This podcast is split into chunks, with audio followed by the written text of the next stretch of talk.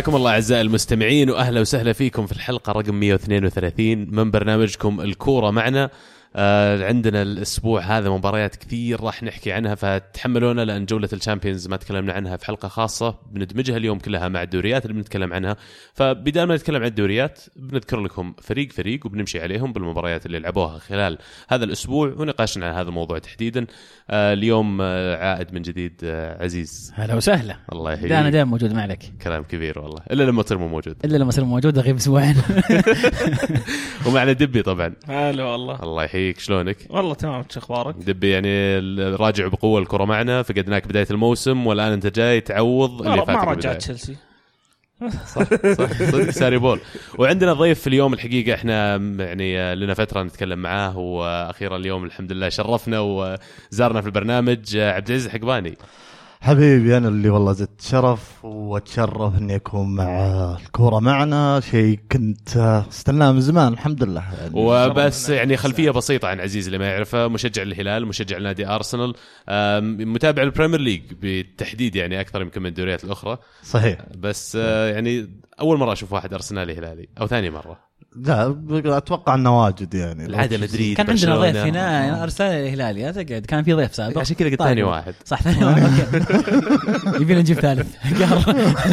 عشان نكثر على الاقل في عين عبد الله يعني لا هو بس يعني يسدد وقارب عرفت إيه، يعني مو بلازم بس ارسنال يجرح وتالي يداوي okay أنا بالضبط بالضبط عرفت. أوف إلى فترة قريبة يعني الله يستر عاد وش أهم الاحداث يمكن هذا الأسبوع عزيز؟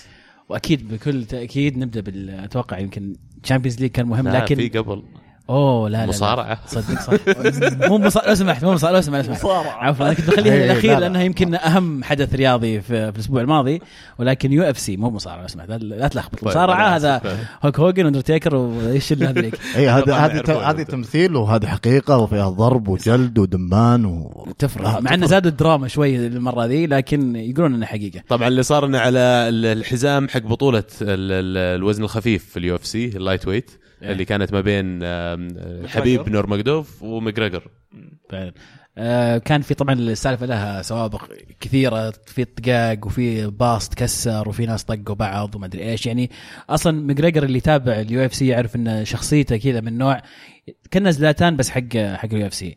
يحب يهايط ويحب يسولف. الفرق بينهم إن زلاتان إذا جاء الوقت الجد يأدي. كونر صار من تالي صاير يخنبق صار ينطق. شفناه تحول على ال boxing وراح يتطاق مع ماي وتسطر ورجع. الحين نقص وزنه مرة ثانية ورجع الوزن هذا وقام آه، تحدى حبيب ولكن مرة ثانية آه، تسطر. لكن يعني ووسخ ترى ماكجريجور مرة إيه، وسخ يعني إيه. حتى في ال fights حقته في هذا آخر fight كان يعني يسوي أشياء كثير من الحركات الممنوعة. الحكم كان يسلك له كثير آه، عطى ركبة خلينا نقول وهذاك جالس على الأرض. في في أشياء يعني المفروض ما يسويها يتمسك بالشبك وغيره. بس ال- الكلام كله والزبدة اللي صارت بعد نهاية ال fight عشان كذا قاعدين نحكي عنه. صار فيلم. يعني حبيب ما اكتفى انه سطر آه، ماجريجر راح نط وكمل على المدرب حقه. و... لا و... واخويا حبيب برضو طبوا على إيه. ماجواير جوا الحلبة يعني آه، هوش زيادة على الهوشه اللي موجودة أصلا. هين يعني والله حدث اللي ما شافه لازم يرجع يشوفه. يعني إحنا صح برنامجنا كورة لكن هذه من الأحداث المفروض الجميع يتابعها الأحداث الرياضية الكبيرة تهمنا بشكل يعني بشكل خاص.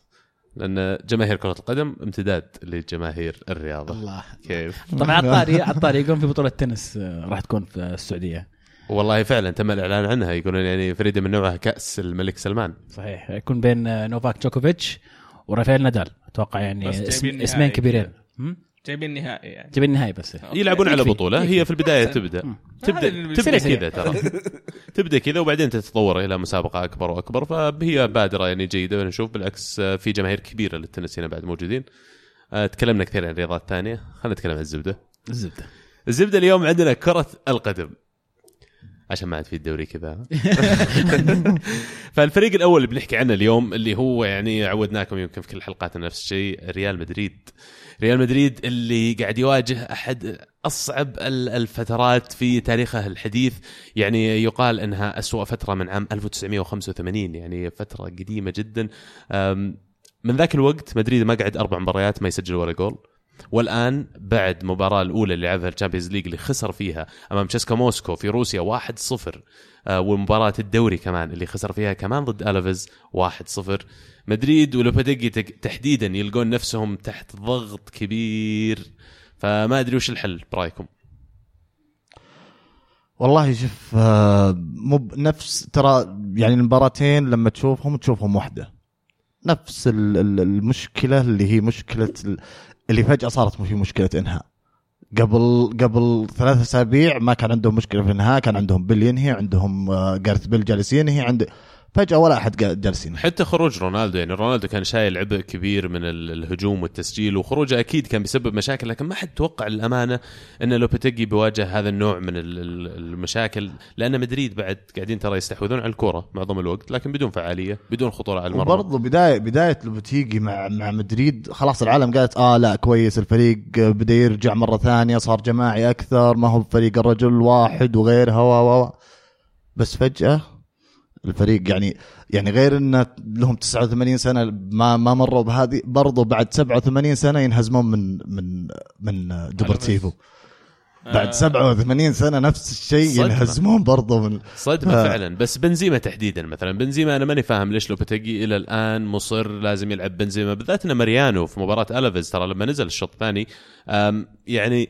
حسيت إنه كان في قابلية أكثر إنه يقود خط الهجوم وكانت ممكن تكون مباراته لكن ما حالف التوفيق فهل حان الوقت إن مدريد يتخلى عن بنزيما؟ لا لا بنزيما أنا أشوف إنه لاعب يعني مهم في تشكيلة ريال مدريد بالنسبة لي. آه، أنا أشوف المشكلة في مدريد إنه المدرب ما حس إنه عنده plan B للموضوع. okay مباراة أتلتيكو شفناه جرب حط سيبايوس يوم آه، إذا ماني غلطان انصاب بيل. إي. يعني في- تغييرات بس حس إنه يعني مجبور عليها أصلا. مو إنه خطط من عنده هو. آه، أحس ال- المدرب يعني مدرب منتخبات ما هو مدرب. أفريقيا. وممتاز إنك ذكرت المدرب يعني هو تحديدا اللي كنت بتكلم عنه بعده مدريد أقالوا مدربين لأشياء أقل بكثير من اللي قاعد يسويها لوبيتيجي الحين. ومو بس كذا لما تشوف مباراتهم قدام تشيسكا موسكو لما يجي الدقيقة 50 مدري 57 وانت مخلص تبديلاتك كلها وتتوهق إنك ما عاد تقدر تغير الفريق. آه ذكرني باللي سواه برندلي مع منتخب إيطاليا يعني يوم إن التبديلات تسويها بدري ويتوهق فدائما جماهير كرة القدم يطالبون بالتبديلات ويشبون على المدرب ودخل فلان وطلع فلان لكن هذه كانت أحد المباريات اللي شعرت إن لوبيتيجي استعجل فكر كمشجع وليس كمدرب و يعني اضطر إنه يكمل أكثر من 33 دقيقة بدون ما يقدر يغير شكل الفريق ينشط الفريق. كارفاخال أصيب الحين كمان هذه من المشاكل الإضافية اللي راح تواجههم. يعني هل تشوفون طيب نهاية النفق في نور بالنسبة لمدريد؟ شوف يعني برجع أنا شوي ورا لوبتيجي. أشوف إن المدرب عنده فكرة عنده أسلوب جديد جاي فيه. ما وصل له بكل تأكيد الآن ما وصل ال- ال- اللي يبغى يلعب فيها أو ترغى يلعب فيها. أعتقد غياب ريال مدريد عن تسجيل أربع مباريات طبعا أكيد انه مصيبة أكيد. ما ما حد يقلل من الشيء هذا. ولكن ما ما هو بال يعني بال بالتحديد مؤشر خطير جدا ريال مدريد في الفترة القادمة. يعني ممكن المباراه القادمة يفوزون خمسة عادي وترجع الأمور تمام. ال- ال- المشكلة الأساسية أنا في رأيي إنه الهوية الفريق لسه ما بعد تظهر ما في هوية. تبع يعني أعتقد إنه مدريد السابق كان عنده عناصر مشكلة هوية للفريق مثلا تقول مودريتش وكروس وكازيميرو. خلاص هذه معروفين دائما في النص. عندك قدام رونالدو آه، بنزيما يشاركهم أحيانا بيل أحيانا اسنسيو يعني خلاص العناصر معروفة. الحين كل ذول موجودين. طيب ما عدا رونالدو. لكن توظيفهم مو نفس الشيء. أشوف أرجع لوسط مدريد في المباراة هذه. مختلف تماما عن المباراة اللي قبلها. مختلف تماما عن الموسم الماضي. يعني صار في زي اللي يعني كأنه واحد قاعد يدور على شيء ما بعد يوصل له. كل شوي يجرب يجرب يجرب يجرب. فهل مدريد بيصبر على لوبتيجي إلين يلقى الشيء هذا؟ ما أدري. وهل بيستمر الموضوع بهالشكل؟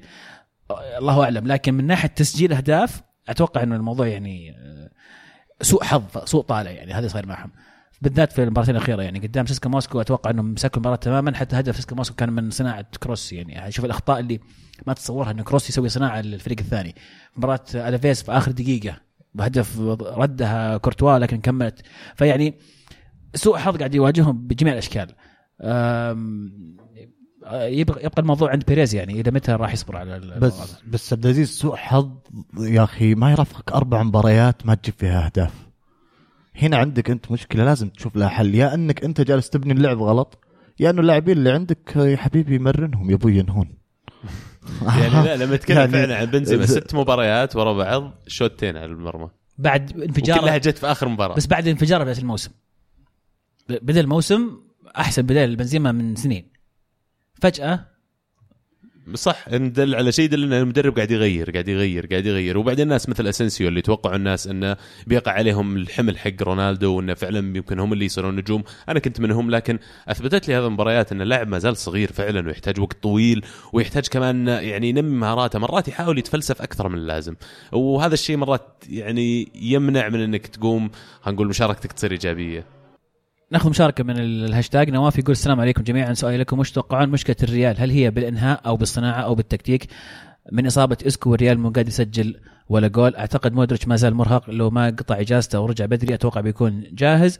بالنسبة لي ما ألوم مدرب ابدا اللوم اللي ما يتسمى رقم تسعة. وزيد عليه بعد أسبوع الفيفا جاي الأسبوع الجاي. تلاقي الحين لوبيتيجي قاعد يدعي إن كروس ومودريتش ما يلعبون. هل فعلا موضوع مودريتش إرهاق؟ أتوقع إي يا أخي تلعب في كأس العالم لين النهائي وبعدين ترجع يعني ما كملت حتى الإجازة المطولة اللي يعطونها للمشاركين في كأس العالم. آه، ما عندك وقت كثير ترتاح اللاعب مو بصغير ترى له ثلاث أو أربع أو خمس مواسم مع مدريد قاعد يلعب على أعلى ضغط يعني قاعد يحقق ال Champions سنة ورا سنة معناته عدد المباريات اللي يلعبها كل موسم أكثر من اللاعبين الثانيين كمان اللي في الفرق الثانية. فطبيعي انه لما توصل مرحلة معينة خلاص يلحق بك التعب هذا والإرهاق. ولوم بنزيما أحس too much صراحة. بس يعني ال- سيء صاير صاير مرة سيء. يعني شوف يعني نشوفه يعني اللاعب كان ما ما له له فايدة. خلق كان ما كان له ما له فايدة، خلق كان إيه. يلعب. لا بس أنا أنا أحس أنا أحس حاليا مشكلة مشكلة مدريد بناء لعب. ما عندهم ما يعني ما تشوف ما تشوف والله يا أخي آه في جالس يحاول أكثر من محاولات لا اللي هي اللعبة نفسها بالضبط هي توصل بنزيما بنزيما يطلعها الواحد من الأطراف واحد من الأطراف يحاول يعرض أو يشوت. يعني ما تحس إنه والله لا إحنا نبغى والله يا أخي من الطرف بس أكثف الناس اللي في ال- اللي في في النهاية تشوفه يعرض تلقى ما في إلا بيل وبنزيما هم اللي موجودين في النص أو الجهة الثانية إذا كانت من جهة بيل تلقى ما في إلا بيل آه، بنزيما آه، وسيبايوس فعلا ف- الصناعة. الصناعة زي ما ذكر نواف إنه غياب إسكو يمكن أحد صحيح. الحلول الفردية اللي أو اللي يعطي إضافة في الصناعة يمكن هذه أحد المشاكل اللي عندهم بس. صعب ان نلخصه في مشكلة واحدة. أعتقد إنها مجموعة مشاكل تواجه مدريد. لكن الصحيح واللي يمكن نتفق عليه إن لوبيتيجي بدا عليه العداد. أتوقع راح يجتمع مع بيريز في الأسبوع الجاي في أسبوع الفيفا وراح يزبده. بيقول له أضبط أمورك ولا ترى يعني يشلنا ناس قبلك و وأم- وأمس عاد طالع ال- أمس طالع خبر صحفي أسباني. كان كاتب إنه مدريد راح يقرر اليوم إنه هل حيشيل لوبوتيجي أو لا وهذا نفس الوقت. فوتبول الايطالي مطلعين إنه والله مدريد جالس تسوي انترستنج كونتي فنشوف شو الأسبوع الأسبوع هذا تبع توقف الفيفا كل الأندية جاء كل الأندية بتقيم مدربينها ويجيب مدرب جديد كلهم. صحافة لازم تكتب أي، شيء. لازم يسوون شيء. ملاحظة أخيرة أو مشاركة أخيرة من مصعب في الموضوع هذا يقول أين بنزيما الخرافي الذي هو سبب تألق كريس ليصبح الهداف التاريخي للريال؟ أين اختفى دوره التكتيكي الذي لا يراه إلا فطاحلة مفكري اللعبة؟ عندما كنا نقول كمدريديين أن هذا اللاعب لا يصلح للريال كنا نسمع ردود عجيبة. هل المهاجم الفذ هو من لا يسجل لسبع مباريات متتاليه والله فعلا شيء interesting سبع بس مباريات. أنا أدري يا عبد الله أنت يعني أنا بقول لك لما مشى باتمان روبن صار ما له فائده دقيقة أتوقع دقيقة. بعد يعني أكثر من كذا توضيح. خل خل عنك باتمان وروبن هذا. آه، إحنا قاعدين نتكلم نقول إنه ما في صناعة. اسكو انصاب آه، بيل الحين انصاب. آه، قاعدين يعتمدون على مودريتش كروس على أساس إنهم يصنعون وما في أي أطراف أصلا صدقيين غير أسانسيو. وبيل يا أخي. وتبي تبي بنزيما يصير رونالدو الظاهرة فجأة؟ معليش الرجال في بداية الموسم بدأ يعني- يسجل. يعني مو معاه اللعيبة اللي يصنعون سجل. مو بناقصهم مهاجم مو هداف. ناقصهم مهاجم ناقصهم مو اطراف كأنه طلع من عندهم كذا واحد هداف مهاجم هذا ناقصهم. انت زي ما قلت الأسبوع اللي فات أنت كيف تعوض اللاعب الهداف؟ بأنك تعوضه بالتشكيلة أو بالمنظومة. الجميع لازم يسجل. عندهم ماريانو هم على الدكة واحد من الحلول اللي فعلا يعني أتوقع راح يضبط. بس لازم يعطونا فرصة. وماريانو في آخر مباراة لما شارك بنزيما فعلا يعني ما له فايدة في الملعب لا هو بالمهاجم ولا هو بصانع لعب ولا بعرف إيش قاعد يسوي قاعد على أطراف منطقة جزاء يستلم الكرة ويسلمها. يعني أنا شعرت فعلا يعني بغياب رونالدو صارت فجوة كبيرة مكان بنزيما ولازم يشوفون لهم حل. أه، المدرب هذا أنا ما أتوقع يستمر كثير لوبيتيجي شكله الموضوع انتهى أصلا. يمكن بالوقت اللي نطلع فيه الحلقة قد قالوا عموما هارد لك المدريدية يعني هزيمتين على التوالي. آه، الآن تحسون أنكم بشر زي الباقيين من الفرق. Champions League Champions League Champions League خلاص. خلاص صدق روق يا أخي اخسر أربع مباريات بدون هدف. الفريق اللي بعده عندنا اليوم النادي برشلونة اللي فاز في لندن في ال Champions League بيوم ال- الأسبوع الماضي الثلاثاء والربوع عموما أمام توتنهام 4 2 وفي الدوري تعادل مع فالنسيا في المستايا 1 1 أسبوع يعني بدأ بشكل رائع ورجعوا يعني عندهم نشوة الفوز على توتنهام في ملعب توتنهام اللي أثبت لنا خلال الموسم الماضي أن زيارة آه، لندن مهب سهلة. آه، لكن برشلونة قدروا يطلعون فيها بأداء رائع ومتميز من ليونيل ميسي يعني آه، اللي طلعوا كثير لاعبين من توتنهام من ضمنهم هاري وينكس بعد المباراة يتغزلون بميسي يقولون ختم الشريط إيش تسوي ضد هذا؟ كثير من اللعيبة لما تلعب قدام ميسي مرة يطلعون يقولون وش ذا؟ وش وش وش وين وين جاء ذا؟ يعني إحنا نشوفه بالتلفزيون وكل شيء بس تلعب قدامه غيره تحس عادي؟ طيب إذا أنت تشجع فريق ويطلع واحد من اللاعبين حقينك يتغزل مثلا فريق تو صاقع ولو كان ميسي مثلا بعد مباراه هل تقبلها كمشجع؟ لو كانت على ميسي تحديدا. إيه. الجواب القصير إيه يعني. صحيح هو إذا هو جالس يمدح ميسي ما, ما تقدر ما تقدر تقول له لا. عاد عزيز يعني- أرسنالي. اي يعني خابر أنا- الموضوع أنا- كويس يعني. إيه إيه اسلم اسلم. يعني جالدني للأسف يعني. ف إحنا ارسناليا نفضفض البعض يعني. يعني لما يقول لما يجي بعد مباراة وتمدح ميسي يعني ب- شيء طبيعي أشوف ولو كنت مهزوم ضده تقبلها من لاعب. اي وأقبلها إذا كان ميسي. إذا كان ميسي أنا أقبلها صراحة إيه لأنه فعلا يعني سوى ضدهم أشياء غريبة جدا يعني ويستاهلون الفوز صراحة برشلونة أنا أنا الشخص من الوحيد اللي ما يقبلها هنا أنا آخر مباراة لتشيلسي ضد برشلونة قفرت معي يعني إيه مشكلتك مع. متعودين إن نقفل عليه وعادي ما سجل يسجل سجل يعني. عليكم سجل وجاب كبريات الله يهديه اي صح كم س- نفس الشيء ترى اليوفي كان راح من سجل عندكم. آخر مباراة إيه. ثم سجل راح من عندكم تشيك آه، راح آه، راح الرجال يستقبل هناك. يشوف الكبريات بس هل في سؤال مهم يعني في نقطه توتنهام. توتنهام كان عندهم غيابات كثير. هل تتوقع توتنهام كان ممكن يقدمون أفضل من اللي قدموه لو كانوا مكتملين صفوف؟ بالذات إنه برشلونة يمر في فترة يعني لك عليها شوي. هذا الكلام يعني برشلونة مو بس لك عليه رجعوا بعد المباراة قالوا على أساس انه خلاص هذا الفوز يثبت إنهم فريق قوي وانهم وانهم وإنهم. لكن بعد ما تتعادل مع فالنسيا بمنتصف الأسبوع أنا يصير يعني عندي الموضوع 50 50 هل أطالع النقاط اللي خسرتها كلها في الدوري؟ عندك 15 نقطة من أصل 24 ممكنة. يعني معناته خلال ثمان مباريات أنت خسرت تسع نقاط. يعني موش مقبول من فريق زي برشلونة. لما أقول مدريد ليش مقبول من عندهم؟ طلع من عندهم رونالدو نجم نجمهم الأول في الصيف مدرب جديد محققين الشامبيونز ثلاث مرات ورا بعض. كل هذه الأشياء تخليني ممكن أقبل إن مدريد مثلا يعاني الموسم هذا. وعلى فكرة فرقهم نقطة. مدريد وبرشلونة. لكن برشلونة مدرب موجود من الموسم الماضي فايزين بالدوري الموسم الماضي اللاعبين اللي شروهم خلال الشتوية الماضية امداهم يتأقلمون خلال الست شهور كمان عززوا خلال الصيف تعزيزات أفضل بكثير من ريال مدريد لكن مع كذا نشوف وضعهم مو مختلف كثير. فبالعودة بعد النقطة توتنهام حق آه، اللي تكلمت عنها إي أتوقع لو توتنهام كان كامل الصفوف كان أحرج برشلونة وكشفه لأن برشلونة السنة هذه للأسف أضعف من ما توقعوا ناس كثير. أنا حسيت برشلونة مركزين على ال Champions أكثر مما هم مركزين على الدوري. يعني شفناه الأسبوع اللي فات ما لعب ميسي من بداية المباراة. آه، مباراة فالنسيا ما أدري ما حسيتهم مستواهم صراحة. تحس إنهم صدق كانوا مركزين على الشامبيونز. إي ولا تنسى تصريح ميسي برضه في بداية الموسم. قال ال Champions شيء مهم بالنسبة لنا وشيء جدا مهم عندهم. فأتوقع إنه من جد تركيز برشلونة السنة هذه كله على ال Champions. في في تذمر من بعض مشجعين برشلونة في نفس الموضوع اللي عند مدريد بخصوص بنزيما بخصوص سواريز. سواريز الفترة الماضية مستواه نازل كثير. ال- ال- اللمسة الأولى عنده حتى ضعيفة. ال- الإنهاء في بعض الصناعة الأهداف جميلة لميسي نشوفها في بعض المباريات لكن ما زال سواريز يعني ما هو بذاك المهاجم ال- ال- الفتاك الخطير اللي تخاف منه في المواسم السابقة. هل حان الوقت أيضا تجديد الدماء. نعطيهم مراته يعطونا سواريز ما عندي أي أنا كنت. تسوي صفقات ما عندي اسمع- تستهبل. شوف جيب الطاولة هذه الطاولة هذه ترى طاولة خطيرة. الصفقات اللي نقولها هنا ترى تصير. تدري كيف. أعطيهم جير. لا لا مراته مراته فعود الموضوع هل ممكن نشوف تشكيل اساسيه لبرشلونه بدون سواريز؟ ممكن. أنا أتوقع انه أتوقع إنه حاليا على المستوى اللي جالس يسويه سواريز آه، يعني ما أتوقع إنه خروجه من من التشكيلة إنه راح يفرق. بس أنا أنا حاليا أنا أنا أشوف ان مشكلة برشلونة ما هي في اللاعبين مشكلة برشلونة في فالفيردي. فالفيردي أنا أنا أشوف ان عنده سوء توظيف للعيبة يعني بشكل آه، فظيع. يعني أنا ما جالس أشوف ما جالس أشوف كوتينهو حق حق ليفربول. هذا كله بسبب توظيف توظيف اللعيبة نفسهم. الدفاع دائما ألقاه مكشوف رغم أنك أنت جالس تلعب بوسكيتس قدامهم وراكيتيتش و... شوف أنا بس- معلش بس أختلف معاك في نقطة كوتينيو لأن كوتينيو خلال آخر يعني مباراتين أو ثلاث مباريات مع برشلونة قاعد يقدم أداء استثنائي وبالعكس واحدة من أفضل مبارياته مع برشلونة جت خلال الأسبوعين الماضيات. فيعني صح الدور اللي يقوم فيه مختلف عن ليفربول بس يعني في الأخير المنظومة كلها تتحمل المسؤولية أحس. بس أنا أتكلم عن نقطه عدا ميسي. إيه طبعا ميسي فوق فوق الكلام آه، بالنسبة لي. بس المهم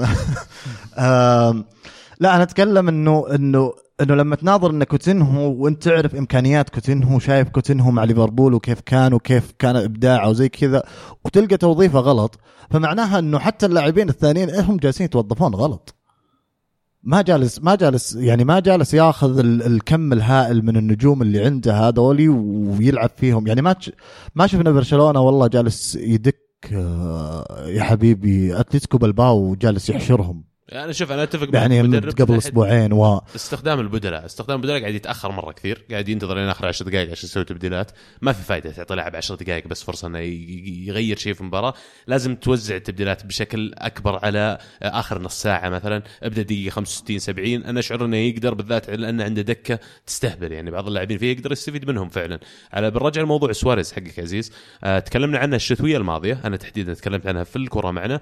قلت إن سواريز يعني يمكن آه، ناس كثير ما راح يقبلونها في الفترة لأن سواريز كان لسه يسجل لكن أنا أشعر إنه أقترب وقت نهايته مع برشلونة.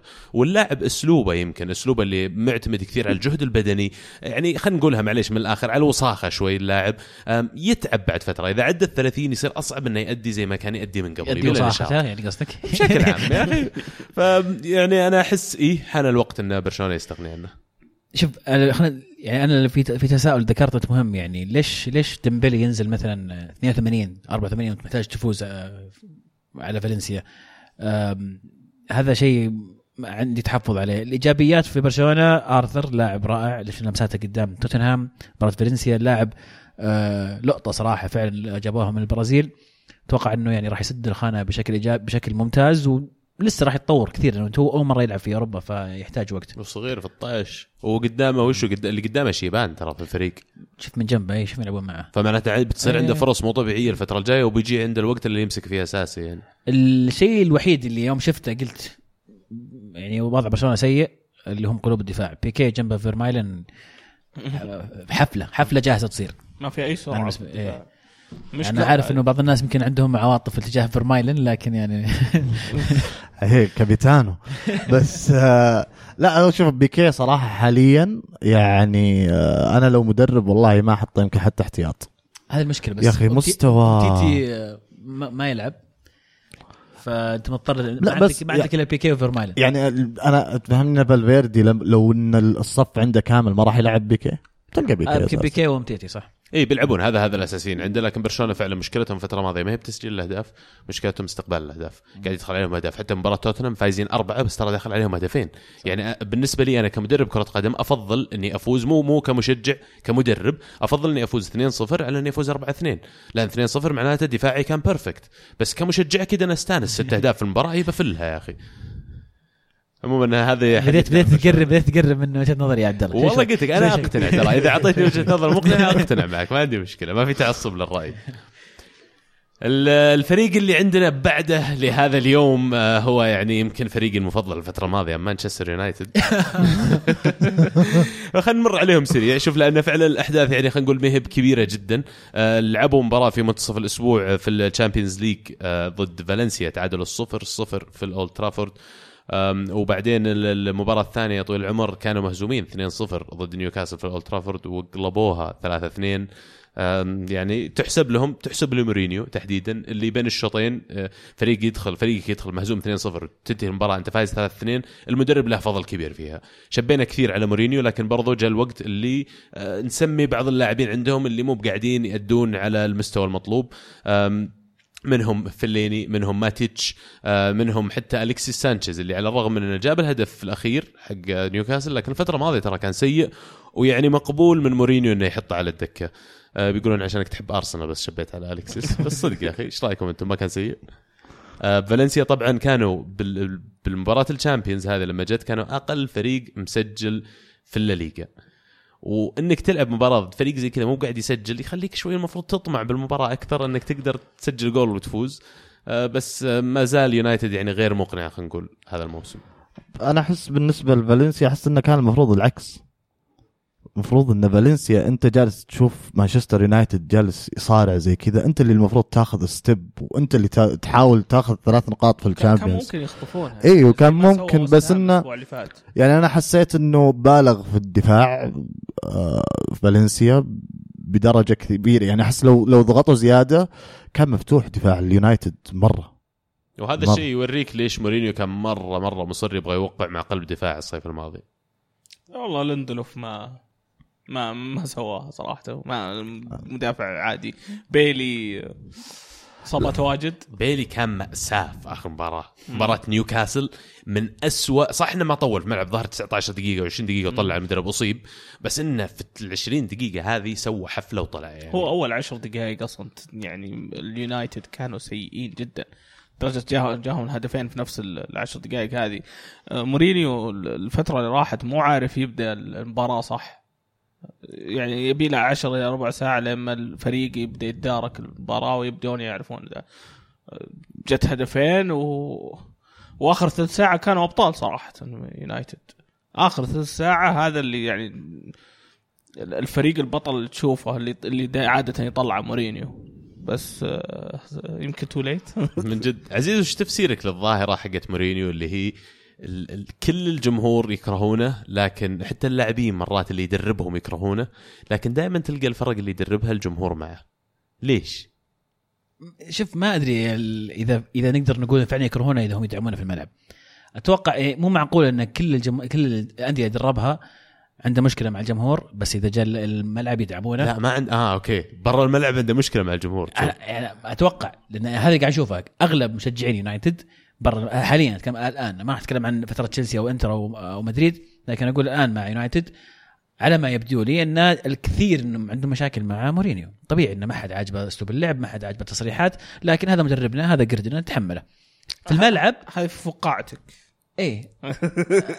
بس بس في. الملعب العكس تماما. الملعب دائما مدعوم. دائما يغنون جوزي مورينيو ما ما عمرهم قالوا بو عليه اللوح اللي شايلينها لوح الدعم قاعدين إيه. يدعمون أنا استغربت الدعم فعلا اللي داخل الملعب هل هذا الشيء بس يونايتد ولا شفتوه قبل؟ أنا صراحة أنا ما شفته قبل أنا أنا أتوقع إن هذا mentality في اليونايتد؟ fans إيه. عرفت إنه هذا ال mentality أصلا شفت مقطع في اليوتيوب عن مشجعين مانشستر وجالسين يسألون العالم إنه آه، بول بوجبا ولا مورينهو عرفت. وطبعا الجمهور الإنجليزي اللي هناك نفسه آه، اغلب الرد كان مورينهو بشكل غريب يعني. أنا أنا استغربت من الموضوع إنه أنا أحترم الجمهور يعني فعلا اللي كذا إنه إنه النظام إنه لا هذا المدرب ما في أحد أكبر من المدرب إلا النادي ولازم أدعمه. أتوقع. أن هذا ال point of view حق ال- بس على. فكرة عزيز كل الأندية اللي دربها قبل كانت علاقته مع الجمهور كويسة. أنا أتذكر تشيلسي حتى لما جاء تهاوش مع اللاعبين تهاوش مع الإدارة الجمهور كان دائما يدعمه. كان في دعم. يمكن تشيلسي وضعه خاص بس حتى مدريد برضو إيه. اذا ما خانتني الذاكرة آخر فترته يعني كانوا لسه الجمهور تحس داعمين المدرب. هذا قصدي أنا قصدي إنه خارج وداخل الملعب. يعني فترة مع تشيلسي أتفهم ليش يحبون الجمهور. سوى لهم أشياء رائعة. فترة مع إنتر أتفهم تماما عشق الجمهور لمورينيو. مع مدريد ها مو مرة. بس يونايتد اللي قاعد يصير الفريق مو قاعد يأدي الفريق ما يس- بس في الملعب يدعمونه كانه كأنه فايز معهم بطولات صح فهنا هنا في شيء قد تكون فعلا هذه ال mentality هذه العقلية حقت جمهور ممكن يونايتد. يعني بتاريخهم يعني هم دعموا السير أو مو إيه. دعموه يعني في متعودين. كثير كانوا ضده برضو بس بعد بس بعد الدعم اللي جاء للسير شوفوا شفنا وش صار فيمكن يتوقعون نفس الشيء ممكن يصير الحين الفريق اللي عندنا بعد مانشستر يونايتد راح ننتقل إلى ليفربول اللي خسر في الشامبيونز ليج أمام نابولي في إيطاليا 1-0 وبعدين تعادل في الأنفيلد مع مانشستر سيتي 0-0 ليفربول يلقون نفسهم متصدرين الدوري الإنجليزي متشاركين في النقاط مع تشيلسي ومع مانشستر سيتي لكن خلينا نصير واقعيين وصريحين ليفربول السنة هذه مو هو بليفربول السنة الماضية. هجومهم تحديدا مو هو بهجومهم السنة الماضية. صلاح مو بعارف يسجل صلاح مو بعارف يمسك كورة. يمكن المدافعين عارفين كيف يقفلون عليه ولا صاروا يعني يحرصون عليه بشكل أكبر لكن Finishing. فيرمينيو ماني حتى الإنهاء عند صلاح سيء حطه في النص. حتى لما تحصل له الفرصة مو إيه. قاعد يسجل إيه. بالضبط هذه النقطة الثانية فليفربول يعني ال- ال- الناس كثير كانوا ينتقدون كلوب أول ما مسك أتذكر at least في الكرة معنا اللي كانوا يشاركون المستمعين مشجعين ليفربول كان بعضهم مستاء من كلوب وكنا مستغربين انه في project وماشي لكن الآن لما تشوف ليفربول شوي قاعد يعاني ويصارع عشان يأدي في المباريات وعشان يقدر يفوز تتفهم شوي وجهة نظرهم والله ما أنا أنا أشوف إن مشكلة ليفربول يعني أنا لما تشوف دفاع ليفربول ووسط ليفربول جالس يأدي مباراة ممتازة. ميلنر على أعلى مستوى فان ديك جالس يشيل لك كل كورة جوميز نفس الحركة روبرتسون نفس الحركة أليسون جالس يصد. فالمشكلة كلها في الثلاثة اللي قدام. المشكلة اللي أنا جالس أشوفها مثلا ماني صلاح جالسين كل واحد فيهم جالس يفكر متى بجيب ال 30 هدف. جالس يطلع لا أنا أبغى أسجل. فيرمينهو هو الوحيد اللي ما تغير عن الموسم اللي راح. فيرمينهو هو الوحيد اللي يستلم كورة ولا زال يمشي كورة. ماني تجي معه أركض أبغى أجيب هدف. صلاح نفس الحركة أركض أبغى أجيب هدف. فأتوقع إنه هذه مشكلة كلوب المفروض هو اللي يحلها. كلوب هو اللي المفروض يمسك الاثنين هذول. يا حبيبي اضبط نفسك ولا الاثنين يا حبيبي برا. يا أبوي يحط شكيري ويحط أي أحد. اللاعبين هذول تحديدا عزيز قد تكلمت إنه دائما يفكرون موضوع الأهداف اللي سجلوها الموسم الماضي وقاعده تاخذ عقلهم الأرقام هذه. هذا أتوقع. أنا في رأيي إنه إنه ماني قاعد يقول صلاح الموسم الماضي انفجر أنا أقدر أنفجر ترى نفس الظروف إحنا. هو ما يشوفها يمكن في عقله انه لاعب أحسن منا أو احسن منا بكثير. صلاح بدا الموسم في باله الموسم الماضي. أنا كيف أقدر أسوي نفس سويته الموسم الماضي إذا مو أكثر؟ فهذا الشيء أحسه أيضا مأثر عليه. آه، كان في أنانية بداية الموسم من ماني. صلاح ال- ال- التركيز عنده للحين ما صار بشكل يعني وصل لشكل كامل. أعتقد إنه فعلا فيرمينيو هو الوحيد اللي نفس الشيء يعني استمر زي ما كنت. آه، بس أتوقع فيرمينو فايدته إذا اللي حولهم مو قاعدين يسجلون ما يقدر يصير له فائده أوكي. قاعد خلق أخلق لك مساحة وقاعد فرص تجي قدام باب بس قاعدين تسوون استغلالها. هنا يجي دور آه، كلوب. شفنا مشاركة ستورج اللي قاعد يأدي لما ينزل. شفنا شاكيري أيضا كورقة مفيدة في, ال- في من الدكة. هنا دور كلوب كيف يقدر يرجع الثقة لهذه اللعيبة أو يرجع الانسجام اللي كانوا عليه الموسم الماضي. آه لازم ينسون خلينا نقول الارقام القياسيه قاعدين يجيبونها للشخصية ويركزون على الفريق لأن ليفربول دفاعيا صار رائع صار ممتاز. عندهم حارس من أفضل حراس العالم عندهم دفاع صلب حل المشكلة. حل المشكلة فحرام إن اللي كان كويس يخرب الحين فهنا يجي دور كلوب بكل تاكيد فعلا ستورج طبعا كان يلعب في تشيلسي من أول ويعني عمر ليش يمكن يعني ليش قاعد تطري الموضوع لا إنك انت يدير عليك. قصدي إنك انت اي, محمد صلاح فكرة. يطلع من تشيلسي نجم. على طول أقصد إنك أنت يمكن متابع له هازارد. هذيك الفترة هل. تحس هل تحس إن الفترة الجاية ستورج رجعته أو مشاركته في هجوم ليفربول ممكن تصير هي الحل اللي هم محتاجينه؟ هو هو دانيال ستورج أول كان يعتمد على سرعته أي عنده finishing إي بس كان سرعته هي ال- ال- العنصر اللي يميزه عن اللعيبة. آه إذا يقدر يلعب كمهاجم صريح يعني بفينشر آه راح يقدم. يعني الرجال يدير للمرمى من أيام يعني اليوث يعني. آه، مع السيتي أول ومع تشيلسي اليوث كان هداف دائما يجيب الهداف يعني في الفريق ال- الفئات السنية الأصغر. بس آه، مع اصاباته يا أخي ما أتوقع إنه تقدر تعتمد عليه. هو اللي يمكن يحمدون ربهم إنه مو أساسي. هذا هو. آه، ما ما راح يكون أساسي أتوقع الموسم هذا و... وراح تجيه إصابة بيغيب أبو شهر شهرين طبيعي. بس أذكركم كل فريق يفوز بالدوري بريمير ليج تحديدا. عندهم ذاك اللاعب المهاجم تحديدا اللي ينزل من الدكة ويسجل له 17 هدف في الموسم وهو اللي يفوزهم بالدوري. أذكركم تشيتشاريتو مثلا يوم مانشستر يونايتد يفوزون. أذكركم بإيهيناتشو على مانشستر سيتي. في كم من لاعب ترى مروا على الفرق اللي يحققون. تشيلسي اللي. كان عندكم؟ يعني مو. بكالو يعني بس أوكي والله كالو آه. أتذكر الموسم اللي صاب فيه دروجبا وانيلكا في نفس المو... نفس الوقت كالو كان راس حربة كان يسجل طيب السؤال. آه، قصر هذاك لاعب السؤال الحين وش الحل ليفربول؟ يعدلون هجومهم بس يضبطون موضوع الهجوم أشوف إنه تغيير يعني ولا إيش؟ لا في يد- في يد تكتيكيا تكتيكيا الموضوع الموضوع تكتيكي مو بغلط إنك تعطي فرصة لأكثر ستورج وشاكيري. تحاول تلعب تبدأ فيهم. آم، حسس اللعيبه إن خانتهم مو مضمونة. يعني أنت تنزل ولازم تسجل لازم الفريق يسجل. حط هذا الشيء في بالك. صح. فهنا دور كلوب. الحين بديت اتفهم ليش كان يبي يجيب فقير في الصيف. إيه. كان مناسب الوقت هذا. حلقة الوصل يعني. إيه. ونقطة ممتازة يعني. أول ترى الموسم الماضي كانوا معتمدين بشكل كلي الاهداف على الثلاثه اللي قدام. الآن الثلاثه اللي قدام مو قاعد يسجلون بس عندهم نفس ال mentality نفس العقلية حقت الأهداف تجي من الثلاثه اللي قدام. فالآن تحس في فجوة بين الوسط والهجوم وهذا اللي يتكلم دبي تو على فقير إنه ما عندهم هذا اللي حلقة الوصل يصير. وتكلمنا عنها في الحلقات الماضية كثير. كوتينيو. كوتينيو.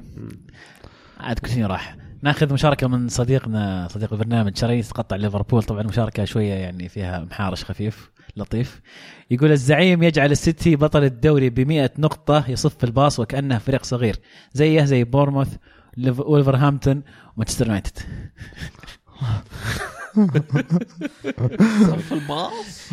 شوف يعني يعني في تغريدة واحدة قصص. اثنين كلهم. السيتي طبعا بعد هذه المباراة يكون آخر مرة فاز في الآنفيلد من عام 2003 لعبوا 18 مباراة 12 منها فاز ليفربول ستة انتهت بالتعادل ولا عزاء للسيتي. متعادلين في الصدارة الآن صفر صفر يعني عزيز أنت كنت لك ثلاث أيام وأنت تك- يعني تهايط على المباراة. المدربين مزعجين فيهم. أنتوا لا المو الظاهر لا المو المو أوكي مزعجين فيهم. ملوك المتعة وما إيش. إيه. مباراة تجيب الزهق. مباراة نتكلم عن كانت ليفربول مان سيتي قاتلة. مباراة يعني عجزت اركز في المباراة. صدق. الشوط الثاني تحسن شوي اللعب لكن الشوط الأول كان المباراة المباراة كانت كل الاثنين هجوميا آه، يعني مو بكويسين ابدا. على قولة عبد الله الزبالين يعني الكورة كانت بالدفاع. من من من دفاع لدفاع. جالسة تمشي من الوسط توصل لهذا يقطعونها الدفاع ليفربول ترجع مرة ثانية يقطعها. يعني آه، تزهقك صراحة وانت تشوفها. قلوب الدفاع في السيتي كانوا رائعين. لابورت بالذات كان رائع وحتى قلوب الدفاع في الليفربول بعد. جو جوميز ترى خلال الأسبوع هذا قاعد يقدم أداء مو طبيعي يعني قاعد يثبت نفسه اللي بيكون خلاص هو اللي بيمسك الخانة مع آه، فان دايك. آه، فأنا أشوف إنه متوقع مو متوقع يعني ممكن أفهم ليش تصير مباراة تجيب الزهق لأن المباراة تكتيكية مرة كانت. جارديولا من جو وهو ينجلد في الأنفيلد دخل المباراة بحذر أكثر. يوم حس إن ليفربول بتصير كمان مباراة أخرى اللي ما يحالفهم فيها الحظ بدأ حتى تحس خطة السيتي بدأت يعني خلينا نقول تنفتح بشكل أكبر هجوميا بس ما جاء فيها فائده في الأخير. الحدث اللي صار في الأخير بلنتي لصالح مانشستر سيتي جابرييل هيسوس جاب يشوته. جارديولا تدخل وقال لا محرز يشوته محرز سطحها طبعا للملعب اللي بعده وصلت إيفرتون يقولون. وش رأيك بتدخل المدرب عزيز؟ دائما نشوف بنتيات قرار مدرب لازم هي تكون قرار مدرب. بغض النظر عن قراره انه اختار محرز. أه، لكن أفضل من إني أشوف اللاعبين في الملعب أنا بشوت أنا بشوت طاقون فطبيعي يكون قرار المدرب اولا وأخيرا. لكن بالعودة إلى إحصائيات محرز من أيام ليستر ترى بنتيات ما كانت كويسة وكان دائما فاردي هو الخيار الأول. فقرار غريب. ما أدري هل هو ما عنده ثقة في خيسوس؟ هل معقول الفريق ما في؟ ديفيد- ديفيد سيلفا برناردو سيلفا. لمحرز أكثر من إنه مو عنده ثقة. محرز ما يحتاج قاعد يسجل محرز.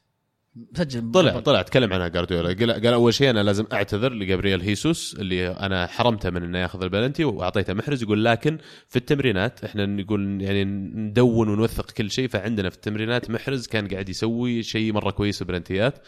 فيقول أنا شعرت إن عندنا فرصة أفضل لو أخذها محرز. بس فعلا ضيعها بشكل غريب. في لقطة ثانية بعد. في لقطة كانت بلنتي لصالح هيسوس. ما أنحسب. ما أدري كانكم شفتوه. واللي لمسها فان دايك بيده. آه إيه. لا مو اللي لمسه بيده. ظهر قص- قصبة جوا المنطقة. اي فان دايك سرى صح؟ قصبة جوا المنطقة فان دايك. آه اجويرو اجويرو اجويرو اجويرو لا. إيه اجويرو حق الشوط الأول. اللي من ورا. حق. الشوط الأول. هيسوس الشوط الثاني. آه. الشوط الثاني قبل دقيقة 60 و70 عرفت، إيه. عموما آه هذه من اللقطات اللي ترجعني لموضوع الفار. فالبريمير ليج الموسم هذا ما في فار وأنا أعتقد إنه يعني جريمة بحق البريمير ليج إن كل الدوريات موجود فيها الفار وأنت الدوري الأكثر قابلية للتسويق والأكثر قيمة سوقية واللي عندكم فعلا جميع الأندية اللي موجودة في البريمير ليج عندها فلوس وحتى في الشامبيونز عندهم فلوس كيف ما تحط شيء مثل الفار اللي قرارات ومباريات مثل هذه بتتغير تماما بالفار لأن هذه لو في أحد يشوفها بالفيديو بيرجع ويحط بلنتي يعني. بالعكس أنا أشوف الاتحاد مرة ذكي. في, ال- في اللي سووه ليش السنة طيب؟ هذه. لو تتذكر ال- الـ goal line technology من أول شو اسمه الدوريات اللي طبقوها الدوري الإنجليزي لأنه واضحة وتطبيقها يعني واضح. الفار للحين الناس تختلف عليه. خل ذولا يحقون وحنا لا خلصوا. و- يعني صار لها بروتوكول معين. خلاص نسوي. صحيح. صحيح. أنا أتفق معك عمر خاصة أن الاتحاد ذكي لدرجه أنه طبقها في الكاس. قال لك أنا في الكاس بحيث أني ما أصير ورا الناس كلهم بس أنا ما أطبقها على الدوري يا حبيبي اللي هو أهم بطولة عندي وأكثر عائد مادي.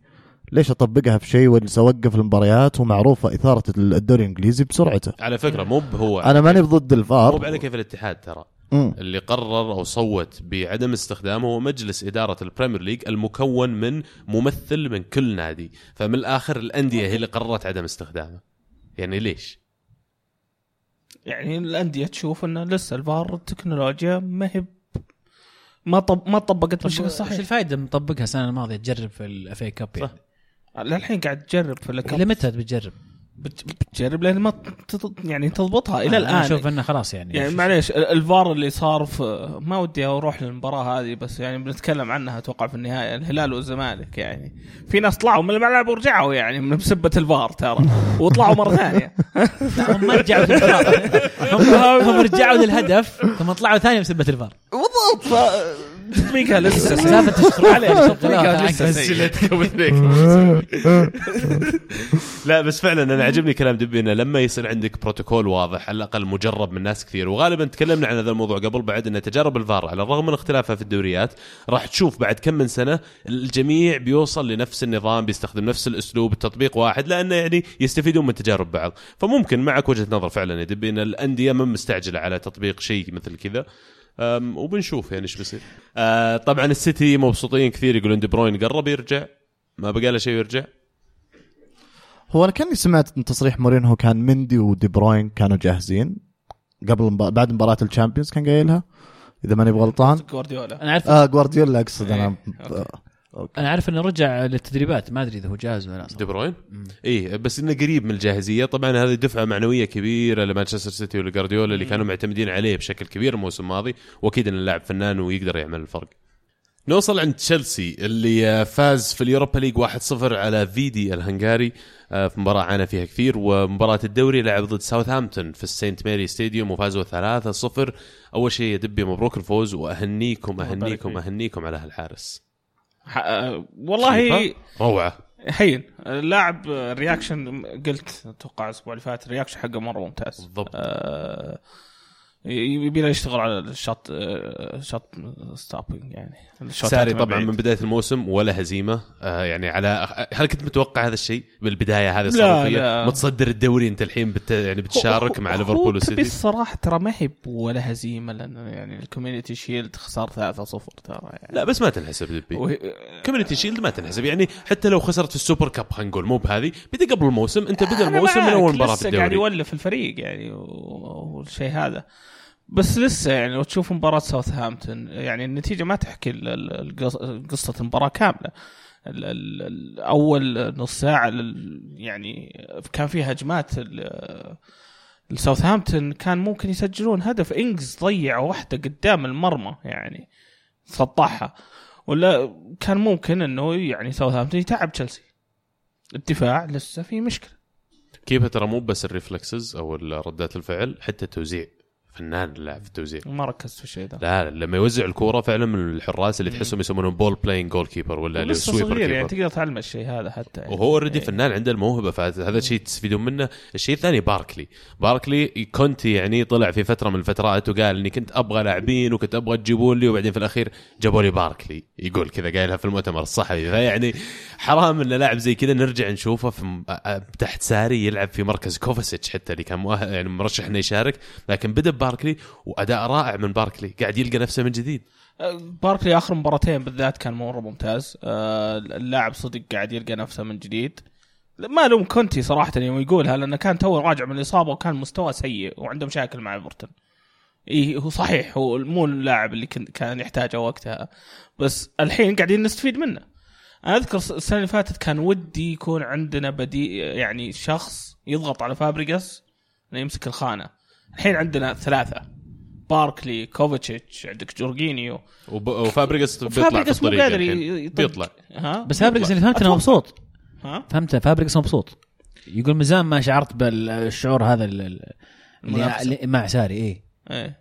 ما ما ادري وش اللي بالضبط آه. اللي عاجبه بس إنه يعني أنا ما اللي أنا ما أدري هذا صريح قريته. شوف هو فابريجاس أول ما جاء كونتي آه، كونتي حطه في الدكة وما ما لعب إلين ما شبك فابريجاس على اللي هو لعب كونتي. آه، أنا مأمل على ان ساري ممكن يسوي معاه نفس الشيء. أتوقع هو وجورجينيو بينافسون على نفس الخانة لأن شفناه قاعد يلعب في اليوروبا ليج في الخانة هذيك. ما أحس إنه ينفع. لأنه ما راح يقطع كور فابريجاس بس آه، يلا آه، منافسة ممتازة في الوسط خاصة. حتى هازارد هازارد يعني راجع يفت فت مو طبيعي قاعد وين؟ د- تسعة من عشرة عشرة من عشرة تسعة من عشرة عشرة من عشرة مباريات قاعد تشوف ال ratings المواقع كلها يعني شيء ال- اللاعب فعلا يعني يستاهل إنه يعطى فرصة زي كذا. وترى إذا تشيلسي ما رجع من جديد ينافس على الدوري والشامبيونز صعب مرة إنك تحتفظ بلاعب زي هازارد. صح. صح. ما أقدر. لأنه يستاهل اللاعب يستاهل يكون يلعب في نهائي الشامبيونز على الأداء اللي قاعد يسويه من كأس العالم وأنت ماشي. وتحرر صدق تحرر في في تشكيلة ساري. آه، أخذ راحته يعني و- ويلقى المساحات. عند اللعيبة اللي غير اللي يفتحون المساحات في ناس ي- في أكثر من لاعب يقدر يعطي المناولة. يعني ك- كانتي الوحيد اللي يمكن تشكك في مناولاته بس وقاعد يلعب دور. مختلف إيه إيه. مو بصناعة لعب. عزيز من خبرتك بك- ب شو يسمونه ساري في الدوري الإيطالي وش علاقة لاعبين نابولي بساري قبل؟ وهل كل الفرق اللي درب فيها يكون زي كذا بينه وبينهم رابط يستانسون مع اللاعبين؟ شوف ما أقدر أقول لك على كل الفرق. قبل طبعا قبل كان مع آه، إمبولي ما أعرف بالضبط العلاقة. في أتوقع لاعب أو اثنين أخذهم مع نابولي. ف الأكيد إن جورجينيو قبل ما يروح تشيلسي كان قريب جدا من السيتي. والمكالمة من آه، ساري غيرت التوجه هذا. فعلى ما يبدو إن علاقته كويسة معهم آه، ال- ال- المدرب للأمانة في الدوري الإنجليزي ظاهر أكثر للإعلام. شايفين شخصية ساري بشكل أكبر ما كنا نشوفها في, في إيطاليا آه، بحكم انه ما يطلع بالشكل يطلع فيه في إنجلترا بعد كل مباراة يتكلم. وأيضا طبعا اللغة. آه، تضيع في ال- بعض الأشياء في فرق بين اللغة الإنجليزية واللغة الإيطالية. فشخصية جديدة تماما لساري وعلى ما يبدو انه نوع المدربين اللي آه، يترك أثر في اللاعب يأثر على اللعيبة وأيضا عنده قدرة أنه لو لو مشى يأخذ معاه لاعب ولا لاعبين. أتوقع أنه حتى صار في اتفاقية مع نابولي أنه خلاص ما عاد يأخذ أكثر من لاعب أنه خلاص روقنا. إيه، خلي لعيبتنا عندنا. أوه فعلا هو هو في بداية الموسم أصلا جاء قال I want to have fun فأتوقع اللعيبة مبسوطين معاه في ما حد. توقع إن ساري يطلع يقول want fun ساري كان مخيلتنا إيه. ذاك الإنسان اللي, اللي دائما قافله معه حاط سيجارة وما له خلق أحد لا أحد يكلمني وقهوتي ما شربت القهوة ترى بتنرفز. كذا متخيلين ساري عرفت؟ هذه شخصية جديدة نفسية. تماما إي إي نفسيا حتى ما توقعت إنه يتكلم آه، إنجليزي ولا يكون دائما معه مترجم. مو إنجليزيته ممتازة. هذا طيب. غريب من متى تعلم؟ نر- نرجع لموضوع ال background حقه أو خلفيته. ال- ال- المدرب هذا كان يشتغل في بنك وكان في القطاع المصرفي خلينا نقول. آه، يمكن خلفيته هذه اعطتها نظرة مختلفة عن كرة القدم فاللي فهمت إنه الرجال عنده فلوس حتى. يعني مو ب- هنقول يعني بشكل له جزء كبير من دخل هذا الموضوع. فاي ليش لا؟ روح وسع صدري وطقطق على هالجماعة. أهم شيء أنت كمشجع تشيلسي are you having fun مبسوط باللي قاعد يصير؟ أنا مبسوط من المستويات الهجومية اللي قاعد أشوفها بس مرة يعني آه، ك- كوابيس كل هجمة تعرف؟ بس قاعد اللي ينقذ قاعد أحلم باللي قاعد يصير. قاعد ينقذكم الحارس اللي اسمه كابا كبا إيش؟ كابا يا أخي. أريز بلاقا نا- لا لا خلينا نعطي لا، خلي خلي خلي نعطيه مهلة الأسبوع الجاي يحفظ اسم الجمهور بس كل أسبوع مو بس بلاقى بعد في النهاية. في- زي اسبلكوتا اللي شطحه لا بس بعطيك فرصة حاولت حاولت والله. قعدت أحاول. اكررها كذا مرة ما. ترى سووا فيديو هو اسبلكوتا مع بعض يشرحون كيف تنطق اسمه. ونوصل إلى أهم فريق في البريمير ليج واللي كنت يمكن موفر أغلب وقتك له يا عزيز. يعني أرسنال الأسبوع هذا. يستمر في الإمتاع. إيش هزيمة؟ إيش تضيع نقاط؟ إيش كلام فاضي؟ أنا ما أعرف على قولة مشجع أرسنال شفته في في تويتر. قال أنا ما أعرف إيش يعني هزيمة. نسيت. نسيت. يعني كنت أتذكر شيء زي كذا بس مبطي يعني لأنه بعد مباراة الدوري اللي فاز فيها آه، سوري قبل مباراة الدوري اللي فاز فيها أرسنال 5-1 على فولم كمان فاز في اليوروبا ليج 3-0 على كاراباج مباراتين خارج الملعب وما زالوا أرسنال يحققون نقاط تسع انتصارات على التوالي في جميع المسابقات. الشيء الوحيد اللي يعني يمكن مقروشنا كجمهور أرسنال موضوع عقد رمزي اللي بينتهي الصيف الجاي شفناه يسجل هدف ولا أروع مجهود جماعي من الفريق في مباراة فولم. وش وش شعورك ل فقدان رمزي يا عزيز؟ وهل تفضل إنه يقعد ولا يمشي؟ والله شوف أنا أتوقع إني بس كنت خاصة. أنا أنا بالنسبة لي رمزي يمشي. لأني ما أشوف إن رمزي حاليا خاصة المباريات اللي يلعبها أساسي كانت توصل عند الكورة ما تشوفها. توصل عند الكورة ما يعرف يناول ما يعرف يطلع ما يعرف يسدد ما يبغى يجيب هدف يبغى لا زال جالس يفكر في موسم 2013 لما كان هو السوبر ستار حق الفريق وقتها. ولا زال يعتقد إنه هو السوبر ستار. بس على كل حال شيء آه، يفرح جدا إنك تشوف أرسنال يلعب بال- بالتوازن الهجومي الدفاعي هذا. رغم إنه دفاعيا يرقل شوي بس إنه لا زال فيه فيه توازن ما كان يعني من زمان ما شفناه. من زمان ما شفنا محور دفاعي. من زمان ما شفنا شت- واحد يقطع كورة في النص. لوكاس توريرا اللي يعني- المباراة يعني حقت فولم بدأ يمسك مكانه أساسي اللاعب قاعد يسوي نقلة نوعية لخط الوسط في الأرسنال قاعد هو اللي يعطيهم خلينا نقول القاعدة اللي تبنى عليها كل الهجمات وبناء الفرص بناء اللعب. اللاعب يعني أنا ما توقعت إنه بيكون بالمستوى هذا على الرغم من اننا شفناه مرة ثانية ازعجناكم موضوع في كأس العالم. تشاكا ما شفناه يظهر ويطلع ويلعب ويمسك كورة ويتقدم ويوزع لعب إلا لما يكون توريرا جنبه. توريرا يمسك يعطيه يقول له يا حبيبي أنت خليك على أنك تنقل الكورة من الدفاع للهجوم. أحد جاي يهجم خليه علي. صح وقاعد يقوم بالمجهود هذا يغطي دفاعيا. أيوة. رمزي أنا بنظر لها أول شيء من منظور مالي. الشيء اللي يحزنني إن بينتهي عقده وممكن يطلع انه لاعب بكمية ال- المهارة وبكمية ال potential خلينا نقول اللي موجود عنده حرام إنه يطلع ببلاش. هذه النقطة الأولى. الشيء الثاني رمزي خلال فترته مع الأرسنال وتحديدا مع أرسن فينجر كان دائما يلعب في مراكز يعني ما هي المراكز المفضلة بالنسبة له.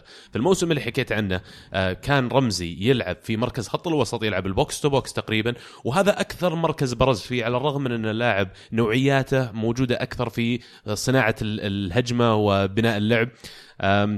فهذا هذا الشيء الثاني. أنا أشوف أن رمزي إذا قدر يمسك مركزه في خط الوسط باستمرار بنفس المركز ماسكه. week in week out أسبوع ورا أسبوع بتشوف رمزي مختلف تماما عن اللي كنت قاعد تشوفها فتره ماضية. يعني معليش مع كامل احترامي لفنجر تلعبه جناح ليش يا أخي؟ حرام. قاعد تخرب اللاعب. فأنا أتمنى أن نجدد معه. اللي صاير الحين ان إدارة أرسنال سحبت آخر عرض مقدم لرمزي لأنه يبدو لي اختلفوا على الراتب المطلوب. صارت من قبل مع اوزل مع أرسنال لكن في الأخير أرسنال هم اللي رضخوا لرغبات اوزل وعطوه عقد آه تاريخي بالنسبة للنادي وأحد أعلى العقود اللي موجودة في البريمير ليج حاليا. آه لكن ال- ال- المستقبل مشرق مع امري قاعد يبني لك فريق يخليك تحلم كواحد من مشجعين أرسنال. صحيح. المباراة الثانية حقت فولم تحديدا بدأ فيها بخطة 4 4 2 من متى ما شفت أرسنال يلعب 4 4 2 بدأ. بلاكازيت وولبك قدام. هذه آه، آخر مرة شفناها أتوقع. إذا كنا قد شفناها أصلا يعني. لا آخر مرة شفناها في ال Invincibles كم هي يعني من زمان من زمان جدا يعني. بس إمري جالس يرجع أشياء كثيرة ما كانت موجودة في أرسنال و... و...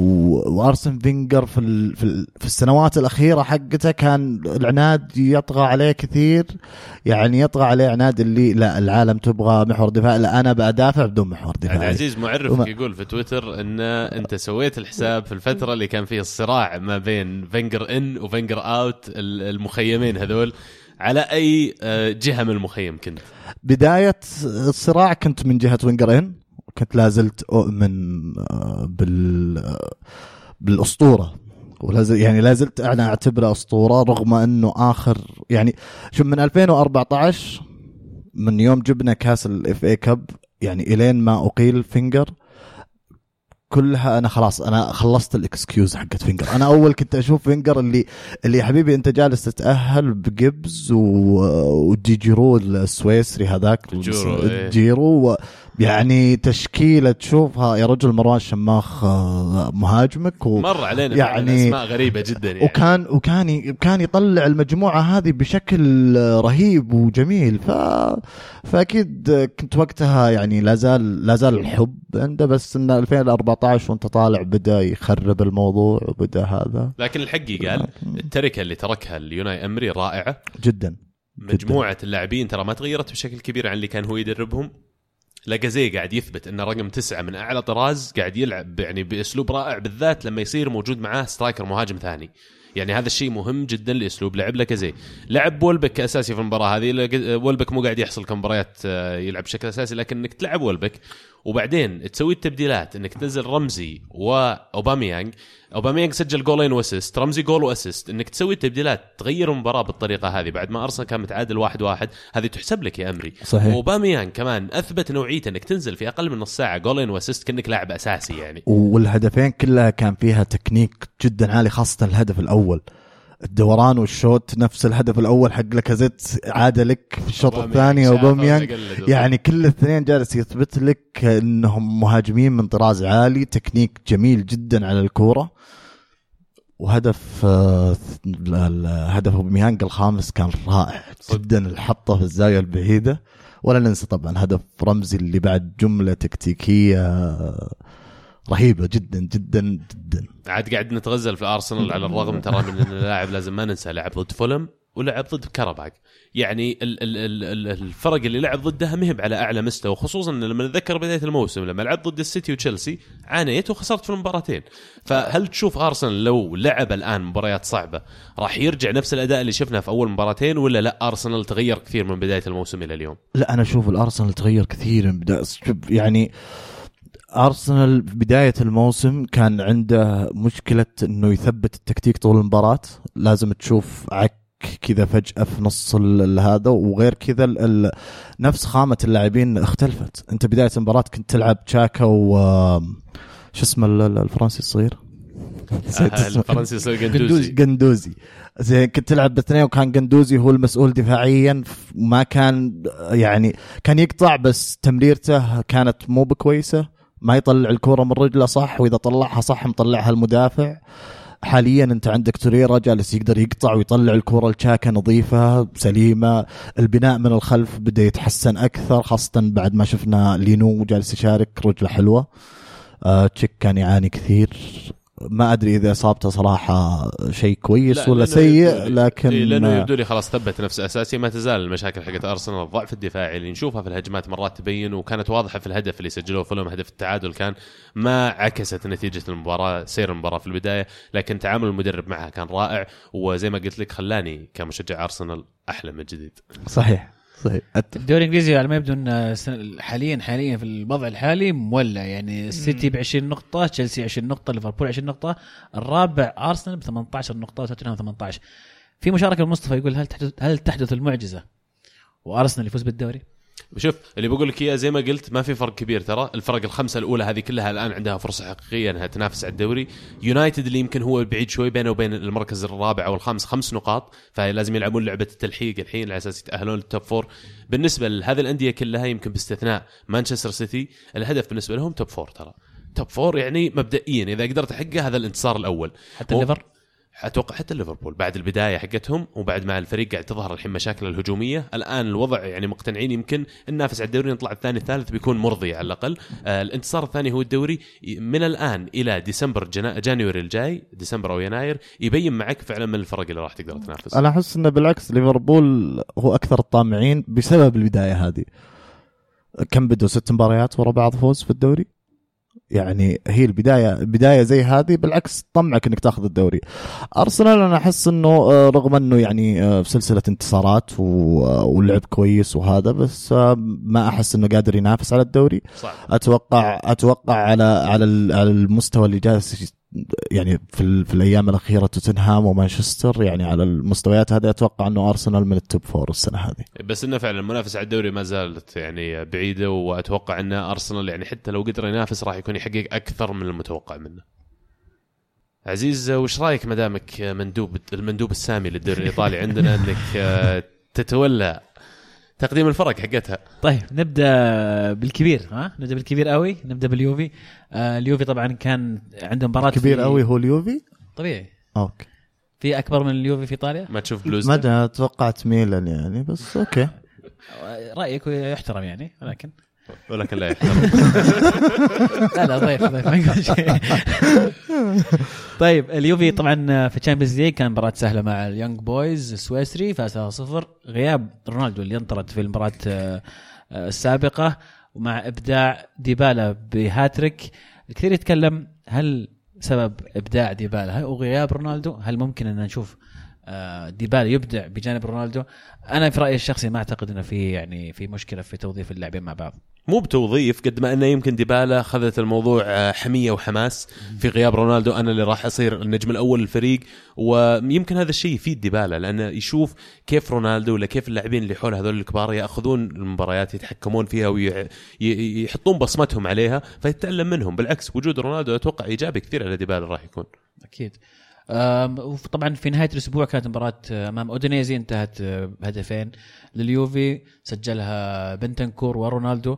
اليوفي بهذا الفوز حقق عشر انتصارات متتالية في جميع البطولات من بداية الموسم رقم قياسي جديد في تاريخ اليوفي. عزيز دائما نشوف اليوفي يفوز. مو شيء جديد. صح. بداية يعني بشكل عام في الدوري الإيطالي يفوز وعنده يعني خلينا نقول streaks كثير أو مباريات متتالية ورا بعض يفوز فيها. لكن من زمان ما شفت اليوفي بالشكل هذا اللي كأنه لا يقهر. يعني مو بس تفوز تفوز بمستوى تفوز بفرق. مو بس قاعد تحقق نتائج. واضح إنك أفضل من اللي قاعد تلعب معهم بمراحل. ومن زمان ما شفت اليوفي كذا. أنا أتفق معك تماما. البداية قوية تعودنا في آخر كم سنة يمكن كان في البدايات تكون شوية مهزوزة. ال- اليوفي على ما يبدو إنه فعلا الموسم هذا فريق أقوى من المواسم الماضية. واللي المحفز أكثر لمحبي اليوفي إنه ما ما أعتقد إنه وصل إلى أقصى قوته حاليا. لسه في عنده حلول إضافية وعنده مستويات إضافية ممكن تزيد تزيد. آه، المميز وجود دكة قوية صراحة. نزول برناردسكي نزول دوغلاس كوستا من آه، بعد العودة. في عنده أكثر من اسم في الدكة مفيد. في صفقات صراحة يعني رائعة أكثر يعني ما قاعد تاخذ حقها. كانسيلو أنا بالنسبة لي أحد أفضل صفقات هذا الموسم وقريبا أعتقد راح يكون أفضل ظهير في في العالم يعني إذا ما كان يعني already قريب من هذا من هذا ال- ال- الترتيب. هجوميا على الأقل كانسلو لما يوفي يقدر يتحكم بالمباراة لما تصير الكرة مع يوفي كانسلو هجمة ورا هجمة يعني الدقة حقت التمريرات التمريرات والعرضيات شيء مو معقول حتى في ال cross حق هدف بنتنكور أو إيه. العرضية يعني. كور رائعة فعلا لكن يمكن الملاحظات عليه واللي لازم يتعلمها من اليوفي. ويمكن وجوده في إيطاليا وفي اليوفي تحديدا راح يكون مفيد له كثير له شخصيا كلاعب انه تعلم الجانب الدفاعي لما الكرة ما تصير معي. لما أنا أدخل مباريات استحواذ الكرة حقت فريقي 30 40% وش المجهود اللي أقدر أقوم فيه؟ صح. بالاضافة لبرناردسكي أيضا اللي الموسم هذا بادي بشكل رائع جدا كأنه صفقة جديدة لاعب مختلف عن الموسم الماضي وقاعد يتعلم كثير من من رونالدو. لاعب صغير وموهبة ممتازة إيطالية. برناردسكي قاعد ألاحظ أن جماهير اليوفي يعني أو حتى ماسيميليانو أليج- أليجري معتبرينه كبديل مباشر لديبالا. فلو في المباراة هذه مثلا بدأ برناردسكي بدال ديبالا ما راح يعني يستغربون كثير جمهور اليوفي. لهالدرجة واصل اللاعب خلينا نقول من تطور هذا الموسم معهم. فعلا. الفريق الثاني اللي ودنا نتكلم عنه آه، روما. روما طبعا حقق انتصار في آه، في ال Champions League 5-0 على فيكتوريا بيلزن. كان في هاتريك لجاكو. كلويفرت سجل أول أهدافه في ال Champions League طبعا آه، ولد اللاعب الشهير باتريك باتريك باتريك آه. وكان في هدف أيضا لاوندر التركي. آه وبعدين في في الدوري كان في فوز أيضا آه منطقي وواقع جدا على إمبولي 2-0 خارج الديار. يا أخي جميل إنك تشوف آه، روما يرجع. بعد بداية كانت تثير الشكوك ورجع رجعة صراحة ممتازة. جيكو رجع آه، يا أخي جيكو هذا مهاجم صراحة يعني ما ما يعني تستغرب انه كيف هذا كان موجود في السيتي وما كان يستغل. يعني يعني مظلوم؟ ها؟ تحس مظلوم اعلاميا؟ جدا جدا مظلوم اعلاميا. يعني, يعني يعني في السيتي كان مأدي كويس ولا؟ كان كان مؤدي كويس ما. بس ما كان ما كان, كان معتمد عليه. هذا هو إيه. هذا اللي أنا أقصده ال- إنه حاليا في روما نجريد وهو موجودين فيعني في زحمة. شوف على الرغم من البداية الممتازة لروما بس آه، دفاعيا في المباراة هذه رجعوا تحت علامة استفهام كبيرة. فريق يعني قاعد تلعب ضد إمبولي في ال- ال- متذيلين الترتيب في الثلاثة الأخيرين ويجيب عليك 19 تسديدة في المباراة. في عندك مشكلة دفاعية. بس بس حلو إنه قاعد يجرب الصغار يعني لع- روما عادة كنا نشوف لعيبة كبار دائما موجودين فيه ويعني من السن ال 24 وفوق. إيه، يعني- تخصص شيبان. اي تخصص شيبان من جد. يعني حلو إنه قاعد يطعمون ال- الفريق ب زي اللاعب التركي. ال- جنكيز والثاني شو اسمه ال- كلويفرت، مهاجم. لا، آه شيك. الشيك إيه. باتريك شيك. باكتك. إيه، وهم لا شك إن تكلمنا عن موضوع مونشي من قبل إنه هو مشروع جديد مقبلين عليه روما فقاعدين يبنون بالشباب وغيره. لكن زي ما قلنا عندهم مشاكل دفاعية ينكشفون. أه، بلغريني لورينزو بلغريني هذا ما كان ظهير يمين عزيز؟ لا. ما كان ظهير أو wing back يمين شيء أتذكره في الدفاع اليمين شلون قاعد يلعب وسط مهاجم؟ لا هو هو يلعب وسط لكن على الطرف. يعني شلون قاعد يلعب رقم 10 الحين؟ قاعد وقاعد يزبط. اي قاعد يوظفه بطرق مختلفة. اللاعب جوكر يعني ممكن تلعب أكثر من خانة بس ما كان ظهير هو كان فعلا كان وسط في أكثر من خانة. الآن يلعب ورا المهاجم أتوقع إنه هذه خانة جديدة تضاف إلى خانات يلعبها. لاعب آه، موهبة فعلا يعني لقطوه آه، روما. وزي ما قلت أشوف إن المشروع يمشي في الطريق الصحيح. يظل يبقى السؤال آه، إلى أين يص- يصلون السنة هذه في ال Champions League؟ يعني السنة الماضية وصلوا semi final. حطوا لنفسهم هدف كبير جدا فنشوف السنة هذه إيش يقدرون يسوون. ولا تنسى ضيعوا بلنتي امبولي بعد يعني كان ممكن المباراه تصير أصعب بكثير. يعني أحمد ربه دي فرانشيسكو اللي تفلسف خلى آخر ربع ساعة قاعد يلعبون بخمس مدافعين. ما قاعد يخترع جاكو أنقذهم يعني إنه قدر فعلا يعمل فرق أو يطمنهم في الأخير. ننتقل أيضا الفريق الثالث في ال Champions League إنتر. إنتر آه، فاز خارج الديار على بي اس في ايندهوفن في مباراة تأخر فيها لكن استطاع إنه يرجع بالنتيجة. أتوقع الإنتر في هذه المباراة كان أفضل بكثير يمكن من من بي اس في يمكن بس الحظ ما خدمهم في هذه المباراة. وبعدين في الدوري فازوا على سبال آه 2-1 أيضا خارج الديار في مباراة ما كان له داعي إنه يعانون هالمعاناة اللي عانوها صراحة. صحيح لا زال لا زال نفس المشكلة تتكرر خاصة في الدوري مع الإنتر. كل مرة يتقدم تحس إنه اللاعبين خلاص إحنا تقدمنا 1-0 إحنا فزنا. وقفوا. ما عاد فيه ما, ما في ما, ما تحس إنه فيه جوع للأهداف. ما تحس إنه فيه جوع. تحس إنه خلاص واحد. صفر اثنين واحد تكفينا إيه ما يحتاج. بس إنه يعني بغت بغت تروح عليهم المباراه بغت تروح عليهم المباراه بسبة إنه يعني حتى هدفهم الأول أصلا صفقت في العالم كلها لين دخلت. يعني. هل هل تتابع المباريات له دور في في نشوف المستويات المهزوزة من الإنتر شوية؟ إن هل ما عندهم مثلا فريقين عندهم فريق واحد هو اللي يقدر يجيب الفوز؟ أتوقع إن كثرة اللاعبين اللي دخلوا على التشكيلة لها تأثير كبير. يعني وخاصة إنه يعني ما جالسين نشوف آه، ما جالسين نشوف والله تدوير واحد يدخل زيادة وبعدين الثاني يدخل وبعدين الث... لا يا ألعب بنفس التشكيلة القديمة يا فجأة مدخل لك ثلاثة جدد على التشكيلة وجالس ألعب في الموضوع لعب. ما أتوقع إنه لا زال لا زال جالس آه، قريعان يدور الموضوع شلون وين يروح. والله يعين جماهير الإنتر إذا بيعانون كل مباراة زي كذا والله. مؤيد في الهاشتاج يقول أداء أكثر من رائع الإنتر خاصة ضد آيندهوفن واللي يتابع المباراة يعرف إن الفوز 2-1 ظلم لنا بس العتاب الوحيد هو على الاستهتار اللاعبين قدام مرمى. هم يقول 24 تسديدة ضد بي إس في وهدفين بس في نف... بس نفس كل مباراة. على كل حال الانتر في الطريق الصحيح سبع انتصارات على التوالي والكامب نو ينتظرنا. على طاري الكامب نو ينتظرنا مباريات الإنتر القادمة راح تكون كالآتي. ميلان برشلونة لاتسيو جنوا برشلونة. فأتوقع إنه الفترة القادمة راح تكون تحديد المصير. تحديد المصير نقول فعلاً، إيه. إذا الموسم بيكون ناجح ولا لا أو, أو على الأقل نصف أول من الموسم ناجح ولا لا. الفرق دائما اللي يصير عندها سلسلة من المباريات ضد فرق خلينا نقول متواضعة ولا أقل من الفرق اللي أنت تطمح إنك تنافسها على البطولات اللي مش أنت مشارك فيها قد تعطيك دفعة معنوية وقد تعطيك كمان وهم أن فريقك قاعد يسوي كويس. فعشان كذا الفترات الحرجة هذه اللي تجيك تتابع فيها المباريات الصعبة والمباريات الكبيرة المباريات اللي خارج أرضك هي اللي تحدد فعلا إذا أنت فريقك يقدر يكون مصنوع من حديد ولا مصنوع من خشب يسهل كسره فعلا. الفريق الرابع في إيطاليا اللي مشارك في ال Champions League نابولي. نابولي حقق انتصار بالنسبة لي أعتقد إنه كبير جدا في سان باولو أمام ليفربول. أه، هد- خطف هدف في آخر الدقائق وبعدين طبعا في الدوري كانت ال ال كان في تدوير من من أنشيلوتي ما شارك بجميع اللاعبين الأساسيين وكانت يعني أتوقع انها فكرة ذكية لراحه بعض اللعيبة اللي بذلوا مجهود كبير في مباراة ليفربول واستطاعوا الفوز على سولو 2-0 يمكن أهم المباراة المهمه نتكلم عنها مباراة ليفربول آه، ما أدري إيش رأيكم في, في أنا- الأداء؟ هل توقعتم أصلا إن نابولي يستطيع أن يسرق المباراة؟ لا أنا شوف على كل حال أنا أشوف إنه واحد صفر بس ما تعكس اللي صاير في المباراة نابولي فعليا هو الفريق الوحيد اللي شفت دفاع الليفر الموسم هذا يعاني بشدة أمامه. يعاني إلى درجة اللي تحس إنه يا أخي هذا مو هذا مو بالدفاع اللي جالس يدافع في الدوري الإنجليزي. يعني كم ك... مؤشر مهم لليفربول ولا مباراة واحدة اللي ما زبطت معهم؟ لا أتوقع يعني على طول في مباراة السيتي اللي بعدها شفنا الدفاع مرة ثانية شلون قوي وواقف مكانه صح. فأتوقع إنه بس إنه تكتيكيا آه أنشيلوتي تفوق على كلوب وهو السبب إنه كم الهائل هذا من الهجمات جاء. آه ملك صراحة آه يعني آه كان كان نقطة نقطة بيضاء في المباراة. يعني شفنا شفنا ملك اللي قبل الإصابة قبل قبل موسمين.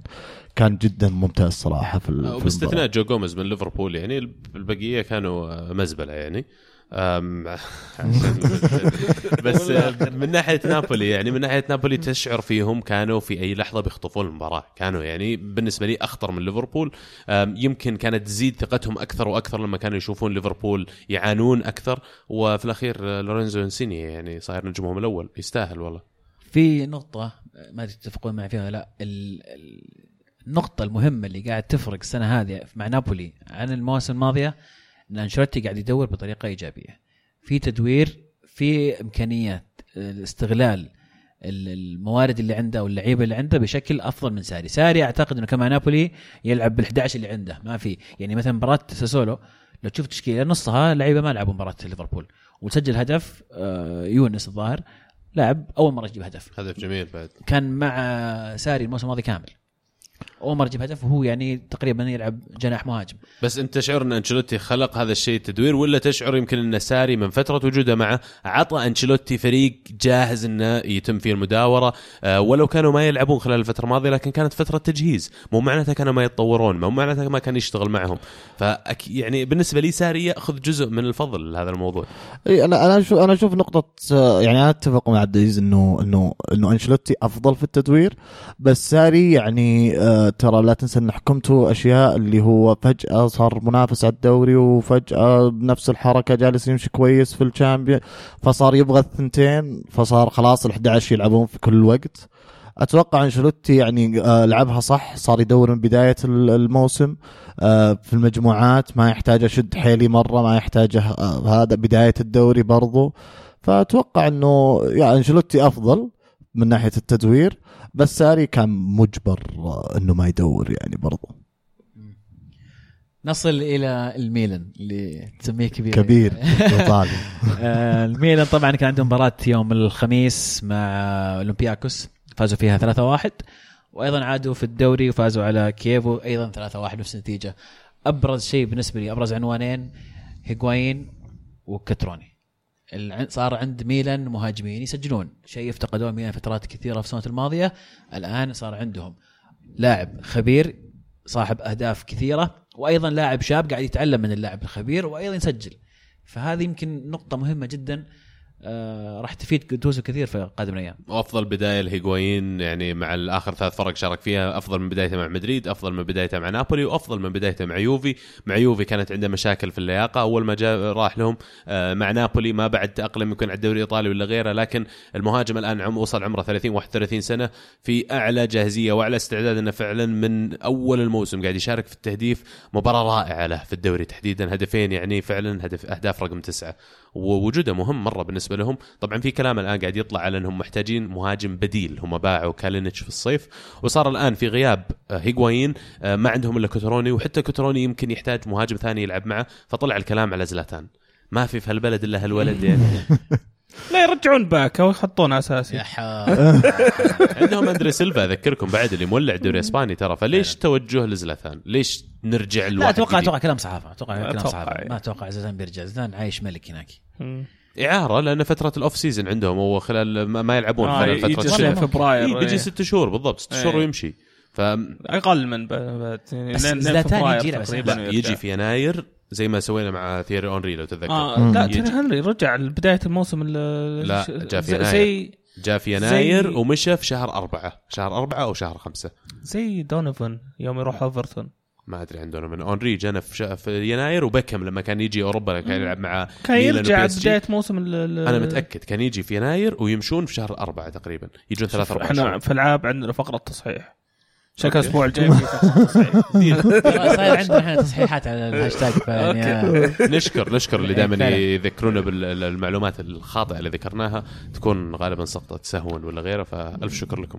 لا بس ميلان آه ميلان المباراتين اللي راحت يعني أنا عجبني شيء ما كان موجود ما أحس إنه كان موجود في ميلان اللي هو وسط ثابت قادر ينقل الكورة من الدفاع للهجوم بسلاسة. وجمال يعني أحس إنه جاتوزو أخيرا عرف من يلعب وسط من يصير وسطه من يصير كيف. كيف يبدأ المباراة وكيف يلعب جوا المباراة. شفناه كل المباراتين يبدأ التشكيلة الصحيحة التشكيلة اللي تجيب له الفوز. ما كان يسويها أبد المباريات اللي راحت كان لازم أحد من الدكة يدخل يضبط الموضوع. ف يعني forza ميلان وعليهم ضغط كبير خارج الملعب بعد. طبعا توهم معينين CEO جديد أو آه، مدير تنفيذي جديد اللي هو إيفان جازيدس المدير التنفيذي السابق لأرسنال. الملكية الجديدة لنادي الميلان اللي هم شركه إليوت أمريكية. فجابوا واحد هذا أمريكي أو آه، كان عمل في الدوري الأمريكي وفي ال MLS ومع أرسنال الملاك الأمريكان هناك جابوه لل- للميلان. آه، من تجربتي مع إيفان جازيدس أقول لكم إن هذا شخص يدير آه، فترات التحول. آه، شاطر إنه فعلا آه، يدير هذه الفترة خلينا نقول بأقل آه، دمج ولا بأقل آه، أضرار على النادي. ميلان فعلا محتاجين تغيير كبير على أساس إنهم يرجعون للقمة من جديد. حرام يعني إن ميلان ما ينافس اليوفي على الدوري. آه، التعيينات اللي يسويها ميلان فعلا رائعة أتفق معك تماما. يعني عودة مالديني للصورة عودة آه، ليوناردو الرئيس التنفيذي الجديد. على ما يبدو إن آه، فعلا إليوت شغالين صح؟ قاعد يجهزون النادي بطريقه صحيحة للخطوة القادمة. فصح عليهم الميلان. يمكن نبي نذكر بس آخر شيء آخر فريق مشارك اوروبيا من إيطاليا لاتسيو اللي أكل أربعة من فرانكفورت في مباراة هجت كانت 2-1 بعدين جاء طرد جاء الثالث بعدين طرد الرابع. لكن عادوا في الدوري وحققوا بالنسبة لي مفاجأة صغيرة فوزهم على فيورنتينا اللي أحد الفرق الرائع الموسم هذا اللي عندهم يمكن أصغر معدل أعمار في في ال top five آه، ولكن يقدمون موسم رائع مهاجمين رائعين. فكانت مباراة صراحة يعني متوقع منها أكثر من كذا لكن آه، انتهت 1-0 للاتسيو. إيموبيلي صاحب الهدف. آه، أتوقع كذا غطينا أهم مواضيع إيطاليا. ممكن نوصل إلى حول العالم. اذا حول العالم. وفي يعني فريق العادة نتحاشى ان نذكر لما ما في شيء جديد قاعد يصير. وشكله وصلتهم رسالتنا. ويعني حاجة أم الدنيا. حوريك. عندك ولا عندي يا عزيز؟ تفضل روح. آه بايرن ميونخ اللي يعني آه مدربهم الجديد كوفاتش قاعدين يقدمون أداء غير مقنع على الإطلاق. لا في ال Champions ولا في الدوري في ال Champions كانت المباراة الأولى لما لعبوا أمام اياكس أمستردام وانتهت بواحد واحد في اليانز ارينا بعدها في آه الدوري انخسر 3-0 ضد مونشن جلادباخ كمان في اليانز ارينا يعني آه مدربين اللي قبل وتحديدا كارلو أنشيلوتي العام الماضي أقيل لأشياء أقل من اللي قاعد يسويها كوفاتش الحين. فكوفاتش ما زال معطينا فرصة يبدو لي وش تغير يعني من الموسم الماضي؟ ليش أنشيلوتي ما تعطيه فرصة وكوفاتش؟ إيه؟ بس أنشيلوتي ما مو من أول موسم. أنشيلوتي أخذ موسم. يمكن هذا هذا الفرق الأساسي بس انه موسم كان ناجح. حسب انت وش تعتبر ناجح. لأنه نختلف في موضوع أنا ما أشوف إنه يعني أي مدرب يجي بايرن ميونخ وتحقيق الدوري ما هو بنجاح. صحيح. اي أي مطلوب. أحد الأهداف نعم بس إنه مو بهذا النجاح اللي جايبينك عشانه. صحيح أهداف دائما يعني البايرن نجاحك معناها إنك توصل نهائي Champions على الأقل نصف. يعني هذا هنا أنت تعتبر نجحت في البايرن بس المشكلة اللي حاليا في البايرن إنها جالسة تنتقل يعني جالسة تطلع أخبار إنه غرف الملابس فيها مشاكل إنه اللاعبين جالسين يتهاوشون مع المدرب. آه في خبر سمعته عن خاميس آه رودريغز. انه جوا هذا قال إحنا مو هيرتا برلين يعني. آه انت إيش جالس تسوي؟ اللي فاز عليهم على فكرة يعني. اي يعني ف اللي كان يدربهم قبل كوفاتش. لا هذا ما كان مو بكوفاتش؟ لا لا. لا لا مو ما ظننت بس اقصد يعني انه إنه طلعت أخبار كثير إنه جوا غرفة ال- ال- الملابس في مشاكل. يعني ف- توقع دقوا على هاينكس؟ شكلهم. تكفى تكفى. آخر مرة آخر مرة آخر مرة. آخر مرة. يعني لا أنا معلش متى أوجه الأصبع للمدرب؟ لما واحد زي ريبيري في مباراة آياكس يدخل وما يسوي ولا شيء في المباراة يعني يزبل. وما تبدله ما تبدله إلا آخر شيء ليش تقعد تنتظر لين آخر مباراة عشان تغيره؟ واضح اللاعب مش ظابطه معه خلاص ليش تخليه على الملعب؟ يعني آه، ريبيري اللي ترى آخر مرة على فكرة سجل في مباراة Champions League من March 2015 ما زال الآن مستمر في المشاركة مع بايرن. يعني ولو كان فريقك قوي إحنا دائما نتكلم عن هذا الشيء. فريقك يفوز فريقك وصل للقمه ما ينفع إنك تقعد ثابت في القمة لأنك بتتراجع. في القمة لازم تبتل تغير لازم تبتل تحاول تتطور. فأنا أشعر إن بايرن لهم تقريبا أربع مواسم من أول ما كملوا الفريق اللي فيه ليفاندوفسكي وروبن وريبيري. ما تطوروا ما تحركوا من مكانهم. مكانك قف يعني. فأنا هذا الشيء ما أشوف إنه هو اللي بيجيب لك النجاح ولو كان البديل غالي. لكن لازم تغير ناس مثل روبن مثل ريبيري جيب دماء جديدة جيب دماء شابة. خميس رودريغيز كانت خطوة جيدة في الاتجاه الصحيح أشوف. بس إنك ما غيرت شيء بالفريق من حوله. في مشاركة من إف سي بايرن يقول هل تتوقعون إقالة كوفاتش بعد المباراة السابقة وكثر الكلام في الصحافة؟ وإذا طلع من من البديل اللي يجي بداله بالنسبة لي أفضل إنه يقعد إحنا في بداية الموسم وإذا استمرت النتائج بنلحق عبد الله في Europa League. أتوقع ما هنا عجلة البايرن ميونخ بالنسبة لهم ما هنا عجلة المفروض أن مجموعتهم يقدرون يتأهلون منها في ال Champions League. آه، الموضوع الدوري زي ما قلت يا عزيز كل سنة يحققونه يحسمونه وغيره. فما في عجلة بعد على موضوع تغيير المدرب جديد. عطى فرصة على الأقل لين شهر 12 لين يناير الجاي. وبعدين إذا بتغير شوف لك تغيير. وترى الفرق بينه وبين الأول أربع نقاط عن دورتموند. بس اللي شيء كبير. مولعين دورتموند. اي شيء كبير إنك ما انت ما عندك الصدارة وأنت بايرن. طبعا. آه، صارت السنة اللي فاتت. شوي. شوي وتحمسنا كلنا. تحمسنا. ركبنا الباص حق. لايبزيج وشجعنا ثم من فين راحت؟ آه، دورتموند صراحة اللي, اللي يعني كانت مباراتهم رائعة جدا في الدوري الدوري الألماني. انتهت بأربعة ثلاثة متقلبة بشكل رهيب. اللي يذكر فيها طبعا باكو الكاسير اللي آه، نزل وسجل هاتريك. ال- ال- الثالث كان من فاول في دقيقة 93 الظاهر اللي حسم المباراة. ف- هدف جميل يعني. وباكو الكاسير أنا شخصيا كنت شاب عليه كثير من فترته مع برشلونة لكن هذا أحد اللاعبين اللي يبين لما يطلع من النادي اللي يكون عليه ضغط كبير عليه توقعات وخلينا نقول يلعب دور مو هو باللي هو يعرف يسويه. راح نادي مثل دورتموند لقى المساحة اللي يبغاها وقدر فعلا إنه يعمل فرق بالنسبة لهم. كمان جيدون سانشو لا تنساه اللاعب الإنجليزي موهبة رائعة يعني. قليل تشوف إنجليزي يحترفون برا إنجلترا. هذا من العينات اللي يعني شيء مو طبيعي اللي قاعد يسويه في ألمانيا. وأنا بالنسبة لي هو النجم الأول لدورتموند الموسم هذا. ثمانية اسيستات إلى الآن في هذا الموسم. آه، حتى المدير التنفيذي لهم أو حتى sporting director يقول إحنا مجهزين نفسنا لعروض سانشو. ما فيها كلام. ال Premier League الأندية بيجون بيعضون عليه بيديهم رجولهم لأنه أول شيء لاعب إنجليزي homegrown تعتبره يسد لك خانة. طلع من ليفربول إذا ما كنت غلطان. كيف تفكونه ليفربول؟ ليفربول ولا السيتي هو كان؟ أتوقع ليفربول. عموما بأكد لكم المعلومة بعد شوي. هم بيأكدون لنا في الهاشتاج. لا لا أنا بأكد لك إياها بعد شوي. بس دورتموند والله صح عليهم اللي قاعد يسوونه كويس تسجيل أهداف غير طبيعي. هذا الموسم مباريات قاعد تنتهي ستة وسبعة. الفريق محمسني. ولا لا, لا تستبعد إنه يفوز بالدوري السنة هذه. بالذات انه بايرن وضعه يرقل. بعدين المنافسة مولعة. لايبزيج 14 بروسيا مونشنغلادباخ 14 فيردر بريمن 14 هيرتا برلين 14 والبايرن 13 طبعا الصدارة لدورتموند 17 أو دورتموند أنا ما أتوقع يعني ما أدري يعني ما أحس إن تشكيلتهم فيها depth كبير إنه في عندهم والله ناس كثير آه، ممكن يشيلونهم للدوري. بس ممكن ليش لا؟ جميل إنك تشوف تغيير. يبيعون ال Champions League ويركزون بس على ال... على الدوري. مم. ممكن. جيدون سانشو مانشستر سيتي. مو بليفربول. قبلها في واتفورد بعد. يمكن ما ما ما في يعني ما مكان. الاسامي اللي موجوده إيه، ما ما ما له مكان أفهم، أتفهم. إيه. بس ما- غريبة ما و- راح يلقى فرصته غريبة ما نقز عليه أحد من أندية ال Premier League. ولا يمكن السيتي ما يبغون يعطونا نادي في ال Premier League. هذا بعد شيء ثاني. ممكن. عموما الدوري الألماني والله الموسم هذا interesting شكله فعلا في أشياء كثير تستحق المتابعة. أم، بالنهاية من بيفوز فيه؟ بايرن ميونخ. واضحة. ها لسه ما بعد يعني. أحد عنده اعتراض؟ لا والله. ماكم داعي يا أخي. كذا شيخ شالكه بيصارع الهبوط.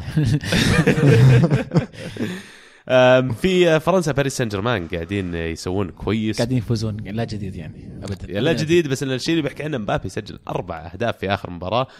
مجهود رائع يعني ناس كثير كانوا معترضين ناس كثير قصدي ألمو معترضين علي يوم اني قلت إن مبابي راح يكون هداف الدوري لكن يبدو انه في الطريق قاعد يسجل. مبابي بيكون أسطورة مستقبلا. كافاني بس كافاني يعني آه، غيابه عن التسجيل بالطريقة هذه يمكن مقلق. لا ما ما أعتقد دام في أحد يسجل ما ما حد ما حد داري عنه. لين العالم توقف تسجيل بعدين يدورون عليه. يدورون بالضبط. بعدها نوصل للأندية المحلية الأندية السعودية. نبدأ أول شيء حبة حبة خلينا نقول اللي مواضيعهم يمكن أخف شوي. دسامة آه، النصر بداية صاروخية ورائعة للدوري السعودي. آه، انتصارات وراء انتصارات والثلاثي يمكن الهجومي اللي موجودين الأجانب اللي هم آه، شو يسمونه أحمد موسى والمغربي امرباط أو مرابط وجوليانو. الثلاثي قاعد يقوم بمجهود رائع في خط الهجوم. يعني آه، النصر حاليا يمكن من المرشحين المرشح الأول يمكن هو مع الهلال لتحقيق لتحقيق اللقب الدوري السعودي. ولا تنسى حمد الله. صراحة يعني يا أخي التفاهم اللي بين الأربعة اللي قدام هذا شيء صراحة يعني يحسب لكارينهو لأنه في وانتوات جالسة تصير بسرعة فجأة إلا واحد جالس يشوت لك جول. يعني آه، نصر السنة هذه فريق مخيف. ثقيل. وبلا جداً. شك إن جزء كبير منه الأجانب اللي تكلمنا عنهم والقرار هذا لكن بيجي كأس آسيا في يناير القادم مين من الأجانب تسجل؟ لأنك ما تقدر تسجل الأربعة اللي ذكرناهم كلهم لك ثلاث أجانب وواحد آسيوي يعني إضافي فأربعة هو في آسيوي في النصر إيه، حاليا؟ حارس. حارس آه استرالي استرالي أنا صحيح. بالنسبة لي واضح أنا بالنسبة لي واضح. مين الثلاثة؟ الحارس ومرابط آه، آه، حمد اسمه حمد حمد الله. حمد الله واحمد موسى. لا لا آه، لا ما لا, تودي لا, جوليانو ها؟ لا بالعكس أنا أشوف إن الحارس مرابط جوليانو أصبر موسى أصبر أصبر الحين أصبر. في في جوليان حمد الله عليه كلام كثير وممكن يكون أفضلهم يعني إذا أعطيته وقت لكن إيه. إلى الآن بروز الثلاثي اللي ذكرها عزيز عبد العزيز تو هو بالنسبة لي يمكن اللي لهم ثقل أكبر آم، يمكن مرابط مرابط الحلقة أضعف يمكن لا لا أنا توني. بقول لك مرابط أنا بالنسبة لي أشوف انه عنده القدرة إنه يصير كريستيانو رونالدو الكرة السعودية اللاعب بنيته الجسمانية رائعة مج... ال- الستامina اللي موجود عنده أو ال- يعني آه، آه، قدرته على الركض لمسافات طويلة راح تميزه قوته الجسمانية لو لعب كرقم تسعة بتشوف راح يكسر الدوري آه، تكسير. أتوقع ما يعني توقعتك بتشيل حمد الله وتلعب بالسهلاوي. أنا كنت أتمنى إني أشوف يعني آه، لاعب خلينا نقول مواطن يشارك سجل آخر مباراة يعني يعني. سجل تابن يعني من الأهداف اللي متعودين عليها لكن في الواقع إن الأجانب قاعدين يسوون شغل مو طبيعي الثلاثي هذا قاعدين يقومون يعني شايلين خط الهجوم شايلين تسجيل أهداف النصر قاعد يفوز خمسات. تتكلم عن إيش يا رجل؟ فانا ودي إني أشوف مرابط يشارك كرقم تسعة. رقم تسعة مو بشرط إنه بالمعنى التقليدي اللي نعرفه لكن يبدأ من الجناح يدخل للعمق. آه، أحمد موسى نفس الشيء يبدأ على الجهة اليسار. أشوف إن النصر عنده فلكسبيتي ولا هي مرونه عالية في اختيار الشكل والتكتيك اللي ممكن يلعب فيه. أتمنى كارينيو فعلا يستغل النقطة هذه. أنا أتوقع أن السهلاوي ترى يعني آه يقدر يطق 1 2 يعني. فبيكون بيكون منصه تحفظ على النقطة. لا لا بيكون منصة حلوة والله قدام يعني لأن انت أنت لو تشوف لو تشوف حمد الله حمد الله دائما يستقبل كورة ظهره للمرمى. يدفها يمين دفها يسار يا حبيبي اللي جاي من الخلفية جوليانو يا موسى. وشفنا أكثر من هدف موجود هدف القادسية هدف ال- ال- ال- اللي مع اللي على الحزم. أكثر من مباراة نشوف إن الكورة توصل حمد الله حمد الله يطلعها للي جايين من الخلف. فأتوقع السهلاوي بإمكانه أنه يقوم بالدور يعني ما أتوقع أنها أنا. أتفق معك. السهلاوي بالذات إنه يعني الدور اللي قاعد يقوم فيه مو معقد وهذا الدور اللي يتميز فيه السهلاوي لما يصير حوله مساندة في الهجوم. السهلاوي عمره ما راح يشيل لك خط هجوم بالحالة لكن في وجود لاعبين متمكنين حوله أنا أشوف إنه راح يبرز ويمكن بطولة آسيا هذه تكون هي خلينا نقول ال- المحرك اللي تعيد إطلاق نجوميته في الدوري السعودي. أنا ما أستبعد هذا الشيء. بس أتوقع انه المشكلة لو لو ما ضم لا مرابط أو أحمد موسى. أتوقع هنا ما في بديل ما في بديل بنفس المستوى. أنا أشوف الاثنين. ما عليهم كلام. راح ينضمون اثنين الموضوع على الثالث. حمد الله ولا جوليانو راح يبين يمكن أكثر خلال هذا الموسم. آه نوصل نادي الهلال اللي hard luck آه، خسارتهم في آه النهائي إيش اسمه الكاس؟ البطوله العربيه لا لا لا لا كأس. كأس كأس السوبر. الرئيس عبد كأس. الفتاح. السيسي آه، عبد الفتاح السيسي اللي فاز فيه الزمالك 2-1 في الرياض. هارد لك الاخوان الهلاليين. يمكن ومبروك لأخواننا الزملكاويين. يعني آه، كان في حضور كبير في الملعب وفعلا يعني آه، نتمنى نشوف مباريات. أجواء جميلة كانت جداً. إي نتمنى نشوف مباريات أكثر زي. كذا. نشوف آه، أندية مصرية أندية كويتية أندية إماراتية بحرينية تزور السعودية والعكس صحيح. يجيبونهم الدوري لك. والله من الأشياء اللي تكلمنا عنها قبل بالعكس إن شاء الله يعني الله ينفع بها زي ما تقول آه بس آه وش مشاعركم بعد الهزيمة؟ هل حس لا، لا. حسيتوا إن الهلال يستحق الهزيمة؟ ابدا لا شوف شوف بالنسبة لي والله يعني يعني يمكن كثير يسمع الكلام هذا وما يقتنع لكن للأمانة البطولة في في ذهني من قبل المباراة إنها بطولة يعني ودية ما هي بطولة حقيقية زيها زي البطوله العربيه الآن تقام ال ال ال أنا يعني كنت مستمتع بالأجواء وتفاجأت ال- الناس اللي كانوا متعصبين مرة للمباراة. أتفهم إنك تبغى الهلال يفوز طبيعي كمشجع هلالي لكن ترى يعني في الأخير مباراه ودية يعني عادي حتى يعني في وجهة نظري إنه أكبر دليل إنه إنه الهلال ما كان داخل 100% موضوع الحارس. إنك ما تلعب الحبسي وتلعب المعيوف أتوقع إن الموضوع انك قاعد تعطي يعني آه، فرصة للعيبة الثانيين يشاركون.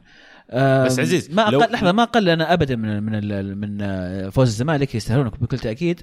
بس آه، في المباراة الهلال كان أفضل بكل, بكل للامانه وفي الأخير يعني عادي مباراة آه، مباراة واحدة تصير يصير فيها شيء أي شيء ممكن مباراة نهائي يعني. بس انت قلت مبا... يعني بطولة ودية فعلا بس لو فاز فيها الهلال كان مثلا أضفت لرصيد البطولات اللي مثلا تقول 58 بطولة أو أنت 59 تعرفني بطولة. شخصيا أنا ما اعدها الارقام هذه ما أعترف يعني. مو شرط أنت كعزيز بس كل واحد حر أنا ما أدري بي- بي- بيعدون بطولات آه، مناطق بيعدون بطولات الطائرة يعني أنا ما بشغلي عرفت اتكلم حتى لو فاز فيها الهلال أنت ما كان تمثل لك أهمية بتصنف كبيرة تنحط في قائمة بطولة السوبر السعودي المصري عند الهلال الظاهر واحدة أو ثنتين قبل تحطنا معهم بس ما لها أهمية بالنسبة لك البطولة أنا بالنسبة. لي ما لها لا مباراة صراحة مؤشر آه، بالنسبة لي كمشجع هلالي يعني هي مؤشر مخيف بس من نقطة واحدة اللي هي الإنهاء كان جدا مخيف. يعني لما تصنع كمية الفرص هذه وما تلقى أحد ينهي خاصة يعني سالم لازم يتطور في ناحية الإنهاء. يعني أنت جالس تصير في المكان الصح في الوقت الصح بس في الأخير يعني رجلك شدها شوي. سالم ضيع كثير في المباراة. اي يعني ف... هي بالنسبة لي في النهاية مباراة يعني هي ودية. فزعلت نعم زعلت. أي أي أي خسارة الهلال تزعل. لكن آه، يعني ما كان ما كانت ما كانت مثلا بزعل عليها لو إني منهزم آه، مثلا من أي فريق في الدوري السعودي. يعني كان حزعل. أكثر بكثير لو إني منهزم في الدوري أكبر مثلا أهمية. الدوري طب هل هذه المباراة تأثر على توقعاتكم لحظوظ الهلال في الدوري؟ شوف شخصيا ما مو بهذه المباراة اللي تأثر على حظوظ الهلال. البداية القوية للنصر هي اللي يمكن تخليني أقول والله الوضع بيكون أصعب مما توقعت. آه، للامانه فاجأني النصر الانسجام اللي عند لعيبته كان مفاجئ. أحد المفاجآت الأخرى يعني تسمح لي بس بشطح شوي الاتحاد إلى الآن آه، بلا انتصار آه، وضعهم سيء خسروا من الفتح 2-0 آه، والأهلي اللي لازم ما نغفل عنه فريق يعني تدريجيا يتحسن. ما هو بالشكل ال- ال- الرائع اللي قدمه النصر أو حتى يعني بدرجة أقل يمكن الهلال. وراهم بشوي لكن ما نقدر نشيلها من الحسبه ابدا. آه أيضا انتصار 2-0 على الفيصلي. فالدوري السعودي يعني يبدو إنه آه جميل يمكن أبرز غياب عن المقدمة الاتحاد تعويضها كان من ناحية آه، الشباب اللي أيضا فاجأنا. ناصر الشمراني ما زال يهدف. فعلا هذه لفتة كنت أبغى أقولها على ناصر الشمراني اللي يستاهل لفتة وتحية. يعني على الرغم من ال- الكمية الكبيرة من اللاعبين الأجانب اللي جو بمبالغ طائلة لكن إلى الآن تشوفه في آه، لائحة هدافي الدوري فرقة وفرق هداف الدوري هدف واحد. فهذا دليل على أن اللاعب المحلي كمان لما يجيه منافسة من لاعبين أعلى طراز راح كمان هو يضطر يرفع مستواه يضطر يرفع level المنافسة اللي عنده. فأتمنى أن فعلا هذه تنعكس بشكل إيجابي على الكرة السعودية. كذا نكون أتوقع غطينا معظم المباريات. كانت حلقة دسمة وطويلة شوية يعني من ناحية المباريات الدوريات اللي تكلمنا عنها بس آه، تعرفون عشان ال Champions كان الأسبوع هذا تحملونا شوي. كان تعويض. الأسبوع الجاي أسبوع فيفا وكذا. صح. عشان كذا اقسمها طول بالك على الأسبوعين الجايات. أقعد مغط الحلقة اللي الحلقة اللي عقبها كانت هذه المواضيع آه، بشكل تحديد للمباريات اللي بنحكي عنها. نوصل الحين عند فقرة بطل وبصل. آه، عبد العزيز بما أنك الوافد الجديد على البرنامج نبغى نعطيك الأفضلية أنك تبدأ بتحديد البطل والبصل وهدف الأسبوع. حبيبي والله. أه بصل بالنسبة لي صراحة بينيتيز على ال ال ال ال على ال- الجبن اللي كان موجود فيه. اللي ما بقى يا رجل له يدخل يدافع مع الناس. أوكي سكر دفاعك وهذا بس برضو لازلت كان تقدر تمسك كورة. تتكلم عن مبارياتهم مباراه مباراتهم مع نيو- مع اليونايتد. اليونايتد أي مع اليونايتد. والبطل عندك طيب؟ البطل بالنسبة لي مورينهو في الشوط الثاني. مورينهو أنا ما يعني من زمان ما حسيت إن مورينهو قدر يكسب آه، ال- الملابس. من زمان ما شفنا إنه اللاعبين جالسين يشدون حيلهم ويحطون قلوبهم في ال- في الملعب. فأتوقع إنه قدر مرة ثانية يرجع وياخذ هذا فيستاهل بطل. هدف الأسبوع؟ هدف الأسبوع هدف بيريرا حق آه، ليستر. كان هدف جميل جدا صراحة. السحبه بالأول والسحبه مرة ثانية والشوتة والحطة كان هدف رائع رائع صراحة. دبي. أوكي آه، آه، على قولة عزيز قبل الحلقة أنا بعطي جائزة بالوتيلي. بطل وبصل نفس ال- الفريق في نفس المباراة. اليونايتد ضد نيوكاسل أول عشر دقائق أقدر أعطيهم البصل وبطل أقدر أعطيهم إياها على آخر عشرين دقيقة. ما يحتاج. هدف الأسبوع طيب؟ هدف الأسبوع برضو من نفس المباراة. تحس إني ما شفت إلا هذا المباراة. بس هدف مار... مارتيال مرة كان جميل. ال... ال... ال... ال- ال pass البوجبا الكعب من بوجبا الشوتة دلعني. إيه. عزيز. بالنسبة لي بطل الأسبوع آه، باكو الكاسير بالهاتريك الرائع اللي آه، سرق الانتصار لدورتموند. آه، بصل الأسبوع ريال مدريد أتوقع واضحة 406 دقائق بدون هدف. هدف الأسبوع هدف سيجارتسون لاعب إيفرتون على ليستر في نفس المباراة اللي سجل فيها بيريرا أنا ما دامكم وصلتوا عندي مع إنك زرفت البصل حقي يعني بس إن البطل عندي مبابي حبيب الشعب. أربع أهداف في آخر مباراة له. what a performance يعني أداء رائع وفعلا هداف. آه، البصل ريال مدريد لأنه أربع مباريات على التوالي ما سجل هدف. آه، وإذا بذكر أحد ثاني ليفربول كمان مباراتين ورا بعض ما سجل هدف. وضعهم كمان مو زي ما. تعودنا عليهم فريق آه، هجومي وممتع. هدف الأسبوع هدف رمزي على فولم. آه، جملة تكتيكية رائعة من الفريق كامل من وراء نص الملعب لمسة لمسة لمسة لمسة وأنهاها في الأخير رمزي رمزي بالكعب. آه، من أجمل الأهداف يمكن قد يكون أجمل هدف سجله بيسجله الأرسنال خلال هذا الموسم. كذا نكون وصلنا لختام حلقتنا لهذا اليوم. آه، حاولنا نقرأ قد ما نقدر أو ندخل مشاركاتكم ومداخلاتكم خلال هذا الأسبوع. لكن يعني عشان ما نطول عليكم الحلقة كثير نضطر ننهيها هنا مع إنه والله ودنا نسهر معكم باقي الليلة. آه، نذكركم تتابعونا على حساباتنا في التواصل الاجتماعي على تويتر SoundCloud iTunes يوتيوب آه، سناب شات اذكركم subscribe share it مع أخوياكم. ما نستغني عن دعمكم ملاحظاتكم واقتراحاتكم ومشاركاتكم خلال الأسبوع القادم استخدموا هاشتاج الكورة underscore معنا وإن شاء الله راح نقرأ مشاركاتكم. لأنه فعلا الأسبوع هذا فيه اقتراحات حلوة للحلقات القادمة. أكيد ناخذها بالحسبان وراح أسولف معك عبد الله بعد شوي. ولكن شكرا لكل اقتراحاتكم. ويعطيكم العافية شاركونا الأسبوع القادم. وكمان نشكر عزيز أو عبد العزيز الحقباني اللي شاركنا خلال هذه الحلقة. أمتعتنا والله وزدت الكثير يعني ويعتبر البرنامج برنامجك. أيوة. حبيبي والله أنا اللي زدت شرف وكانت منصة اتابعها دائما والحين أنا كنت موجود في الحلقة هذه شيء ممتع. شكرا لك. أنت جزء من العائلة عبد العزيز خلاص. انت من عائلة كورونا صدق يعني عندنا عائلة كره معنا وانت صرت الآن جزء مننا.